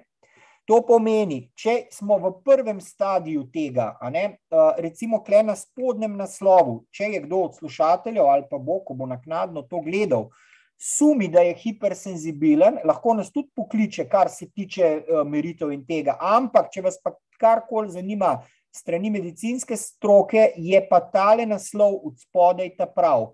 Tukaj najdete, to je v tujini, takoj povem, ampak Žal v Sloveniji in tudi v bližnji okolici ni iz uradne medicine, govorimo o uradni medicini. Obstajajo v Sloveniji določeni terapeuti, ki lahko pomagajo določene stvari.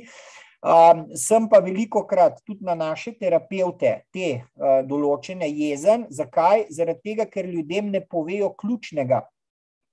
Oni jih terapirajo, tako imenovano, terapeuti terapirajo, ampak v recimo na teli kliniki in v tujini, tudi eh, dr. Devra Davis to govori, tega ne začnejo delati, dokler nima, eh, se pravi, pacijent bivalnega okolja brez vplivov elektromagnetnega sevanja oziroma z minimalnimi vplivi zaradi tega, ker je to fizipovo delo.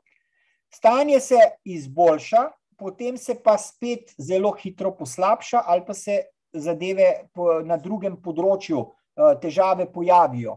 In pri nas je cel kup nekih terapevtov, ki pravimo, da obremenjeni ste z elektrosmogom, vas bomo terapirali ali dajo neke nasvete, odstranite lučke, tako kot smo prej govorili, in podobno. Pacijent je še vedno v nekem tem okolju in seveda je nezadovoljen. Najprej je zadovoljen, ker pride do izboljšanja, pa se pa to spet vse ponovi. Se pravi, vedno je treba najprej ugotoviti, ali je to v bivalnem okolju prisotno, potem je treba to odstraniti, potem je pa treba poiskati strokovno pomoč.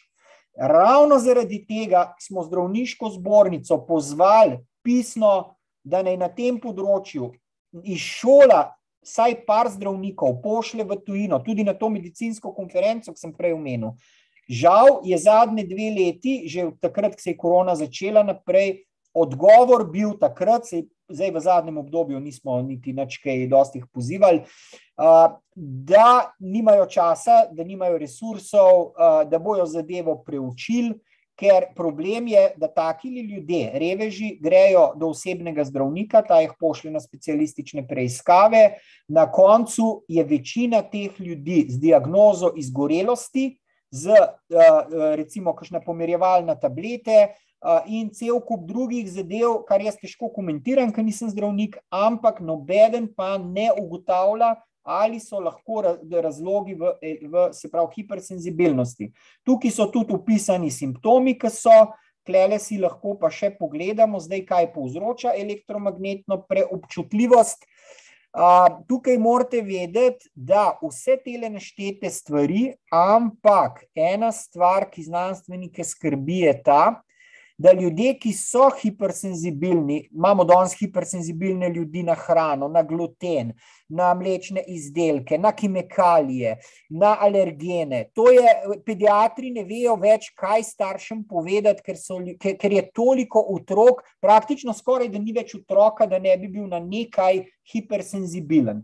In tle je problem, da nas upozarjajo, da tudi to, eh, naši kolegi v Nemčiji, Ameriki, Švici, da strankam uredijo bivalno okolje, hipersenzibilnim osebam. Stanje se jim recimo bistveno izboljša. Ampak, ko ljudje začnejo v službo hoditi, tudi če imajo domače okolje uh, urejeno, že stik v službi lahko 8 ur spet povzroči te probleme.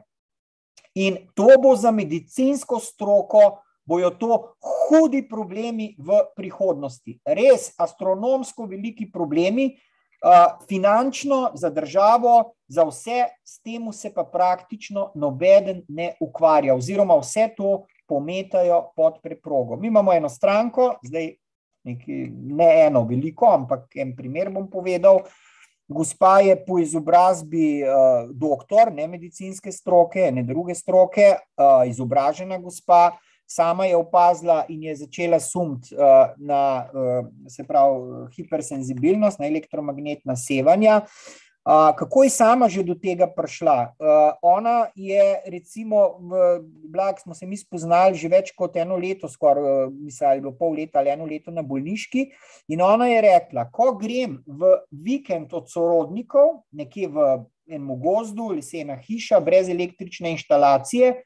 Ona je v enem dnevu do dveh dneh popolnoma brez vseh simptomov in tam na novo zaživi, potem se pa vrne v matično okolje, se pa zadeve takoj poslabšajo. To je probala na sebi najmanj desetkrat, vedno je bilo enako. Uh, tako da takih primerov je cel kup. Kako se bo to medicina z njimi ukvarjala, jaz žal ne vem.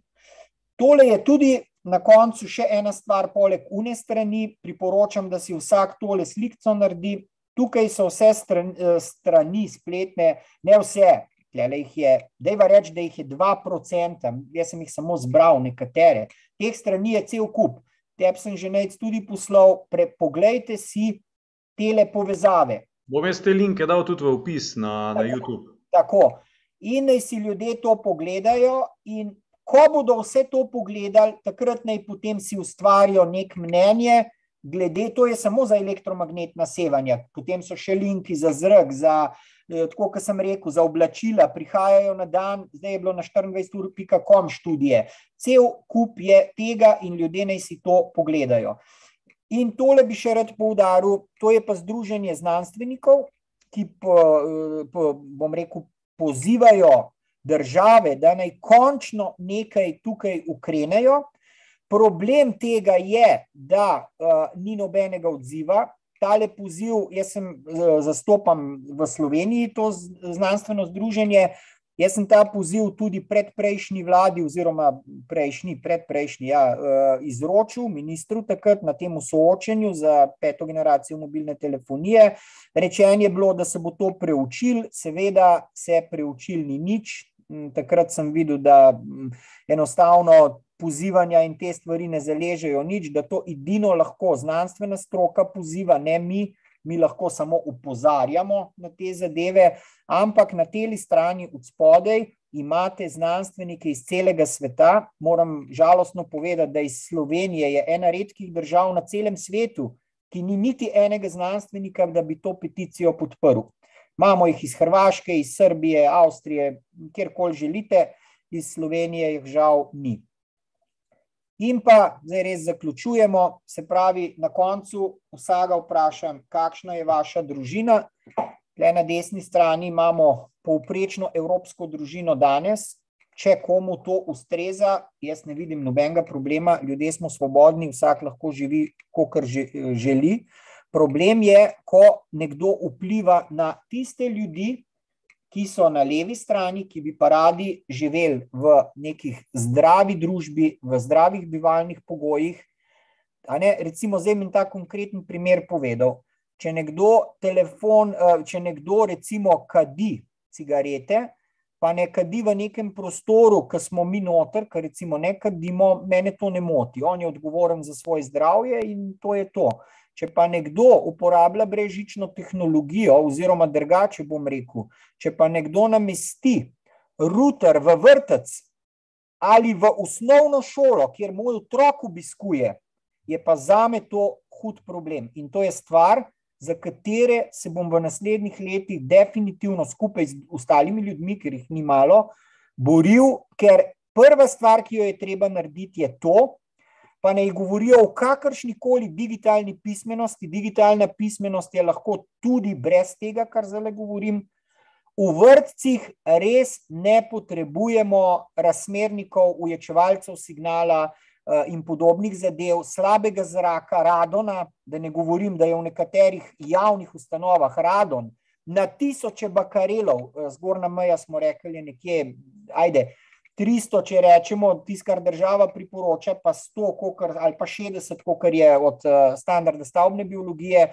Da ne govorim o umetni svetlobi, ki uničuje oči in vse ostalo našim otrokom, da ne govorim o kemikalijah, ki jih otroci v vrtcih in v srednjih šolah vdihavajo. Ne bi se rad eh, načrtno, mi smo dobili med uh, COVID-19 krizo več kot 300 vprašanj, kakšno je naše mnenje in sem se načrtno vzdržal vseh odgovorov, zato ker to ni naše področje. Moje mnenje je, da nimam pravice javno komentirati nekih zadev, ki niso moje področje. Lahko pa povem, kljub temu, da moj oseben mnenje je, kar se tiče kompletne korona krize, da je to ena gromozanska zmešnjava vsega skupaj, takih in drugačnih v eno skrajnost stvari, v drugo skrajnost, me je pa zelo zmotil, zelo zmotil. Jaz sicer te starše, ki so se zauzemali za otroke brez mask in podobno, popolnoma razumem. Ampak, če bi te isti starši vedeli, recimo, govorili so, da se oglikov dioksid zadržuje pod masko. Če bi te isti starši vedeli, v kakšnih pogojih se njihovi otroci izobražujejo, ko ni korone, potem je tisto, kar je bilo z maskami, da je reči, realno mogoče 5% problema. In to je tisto, ta dvoličnost, ali pa ne dvoličnost, spet bom rekel drugače, eh, nepoznavanje problematike ljudi. Ko skočijo, tako kot tudi jaz, kot starš za svojega otroka, bom takoj skočil, ampak včasih je treba, eh, ko neke stvari eh, skačemo, tudi vedeti, kaj govorimo in zakaj se zauzemamo. In pa tisto, kar je tudi, mislim, da tvoja filozofija, kar, kar si na začetku zelo dobro tudi ti omenil. Če kdo je dobil občutek po današnjem predavanju, da je čudežna rešitev bivalno okolje, ga moram takoj razočarati, da to nikakor ne drži. Bivalno okolje je en segment, ki je, tako kot si ti najcu gotovo, od vseh najbolj zapostavljen, najmanj se v njemu ve, najmanj se v njemu piše, govori, ampak ni pa edin. Se pravi, če mene vprašaš, to ni del stavbne biologije, ampak če me kot človeka vprašaš, jaz vsakmu svetujem, da na vseh teh treh področjih dela v smeri zdravega bivanja lastne družine. To pomeni bivalno delovno okolje, način življenja, kjer eh, govorimo o nekem fizičnem delu, to je prehrana, gibanje, stik z naravo, čim več v naravo, čim več teh uh, stvari, ki obogatijo naše življenje, in pa nikakor ne smeva pozabiti v teh uh, norih časih, kot sem že prej izrazil, je potrebno tudi neko osebnostno rast in pa sproščanje. Za nekoga je sproščanje prebiranje knjige, mogoče za nekoga je tudi eh, ne vem, nek dokumentarni film pogledati, za nekoga je to eh, zavedanje, za nekoga je to meditacija.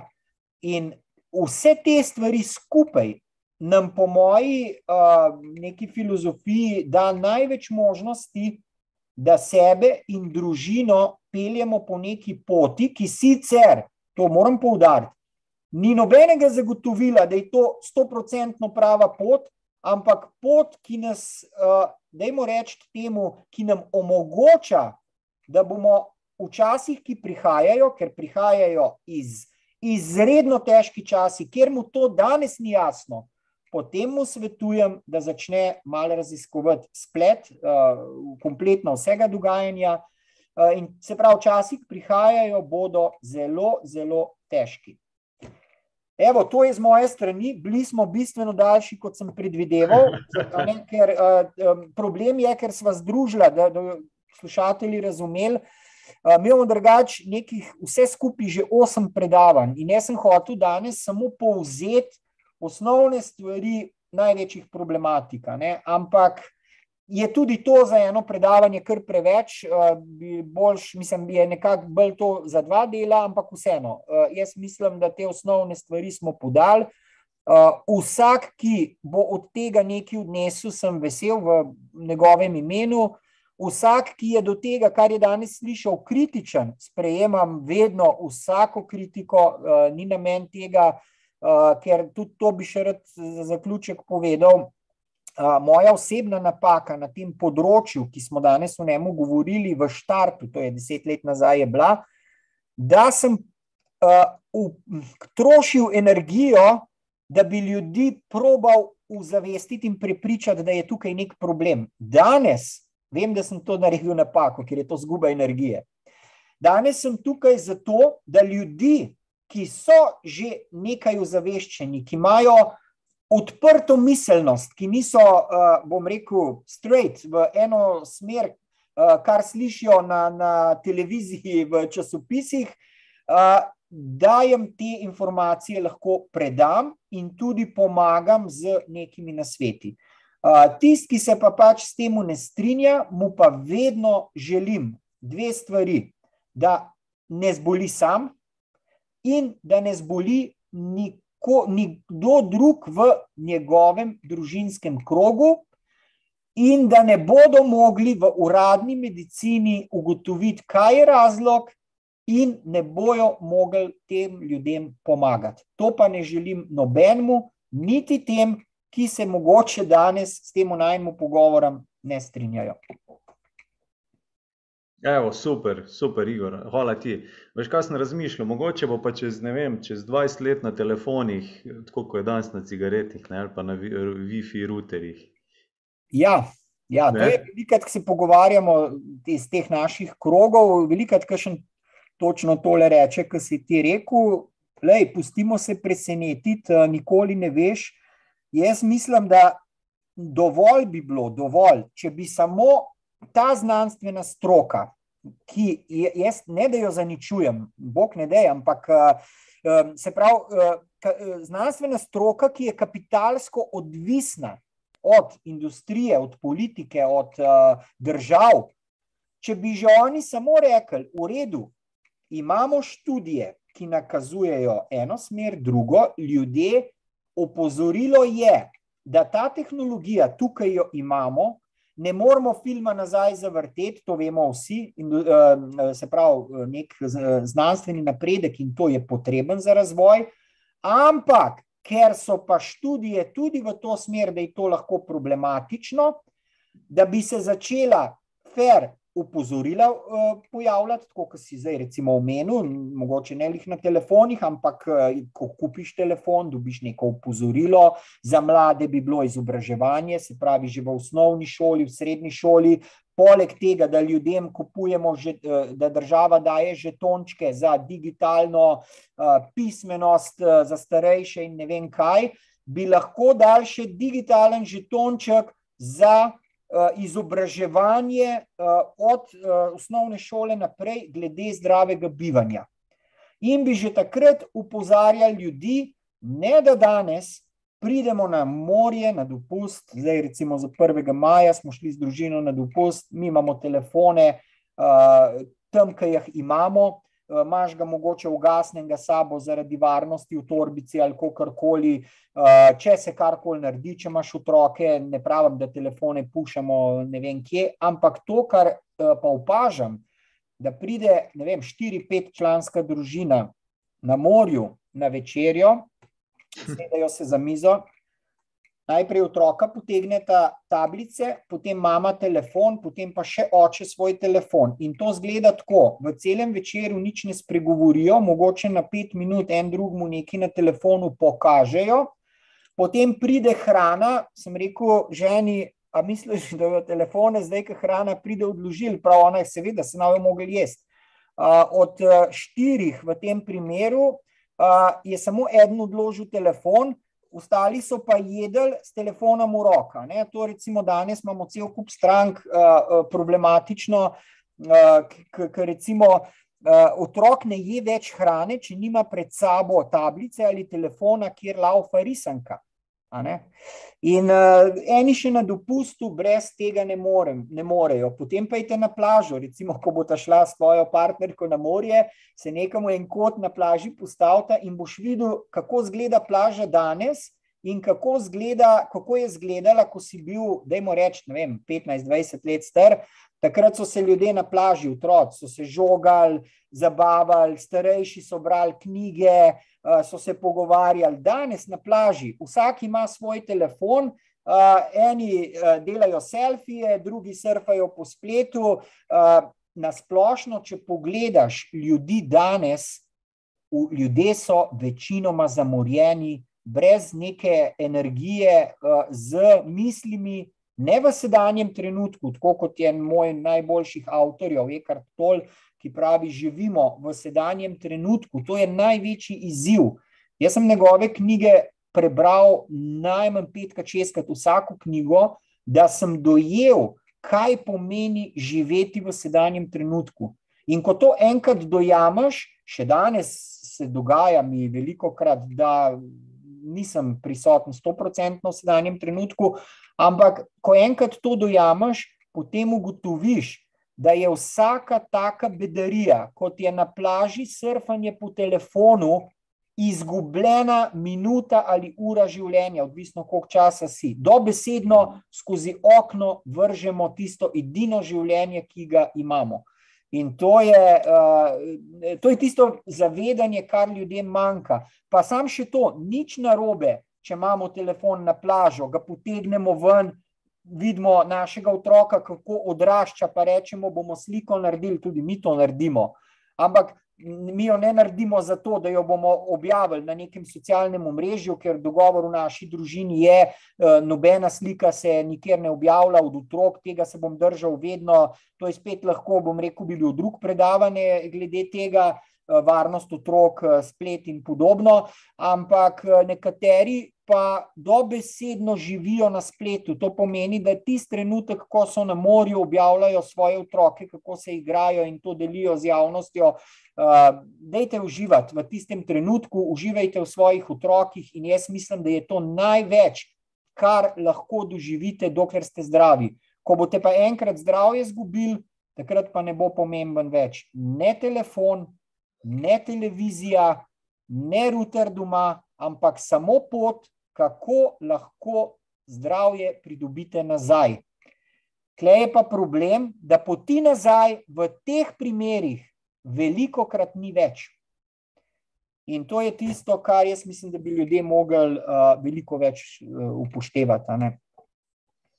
Ja, super, Igor. Mislim, da smo naredili danes dobro nalogo, eh, da si ti upravil zelo dobro nalogo, eh, da si opravil tole predavanje, ki bo zdaj tudi javno dostopno, da smo naredili neki korak, eh, korak temu, k temu ozaveščenju, kar se tiče te stavbne biologije pa bivalnega prostora.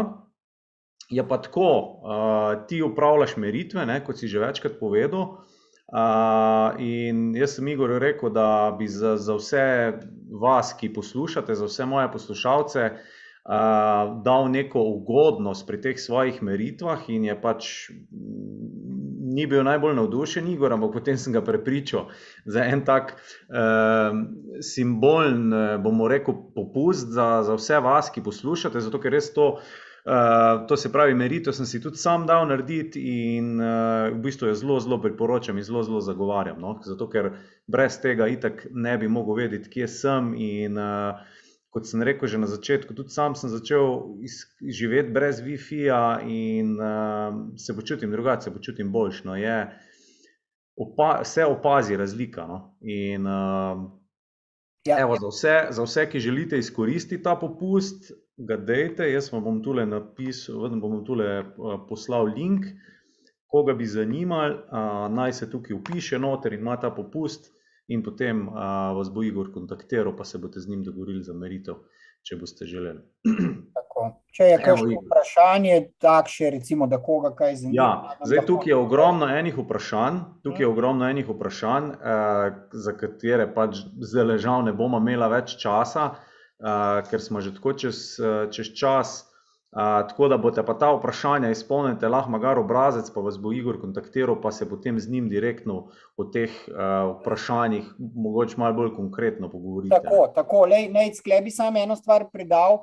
Uh, mi imamo zaradi načina našega dela, pa zaradi ekstremnega pomankanja časa, imamo sistem sledeč. Se pravi, če kdo vprašanje pošle, naj zraven pripiše nujno telefonsko številko. Povedal, zakaj.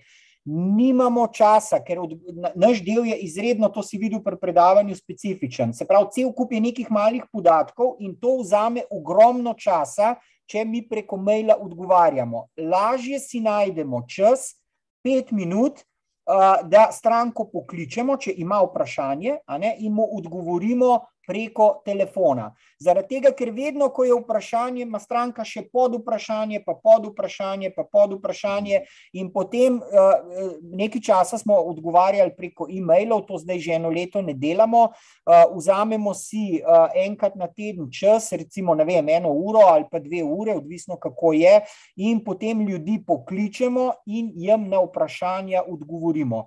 Zdaj, recimo, je ogromno vprašanj o sončnih elektrarnah, to danes nismo nič rekla, tukaj je, uh, mislim, spet zgodba, bi bil lahko samostojen predavanje in isto uh, iz, odgovarjamo izključno tako, da se preko telefona pogovarjamo, pa pa seveda odvisno, aj zdaj samo vprašanje, pa odgovorimo, to z veseljem vsakmu naredimo, če pa koga zanima uh, potem kakšne ali meritve ali karkoli drugega, to je pa potem uh, drugačen postopek naprej. Uh -huh, uh -huh, uh -huh. No, super, ja, vse v teh meritvah. Um, kdor, kdor, koga bo zanimalo, to, kar ti delaš, te bo tako kontaktiral, pa, uh, pa bo vprašal. Ne. Tako da, evo, super, smo končali današnji maraton. Igor, še enkrat ti hvala, hvala tudi vsem, ki ste bili z nami. Škoda, da nismo mogli odgovoriti na ta vprašanja.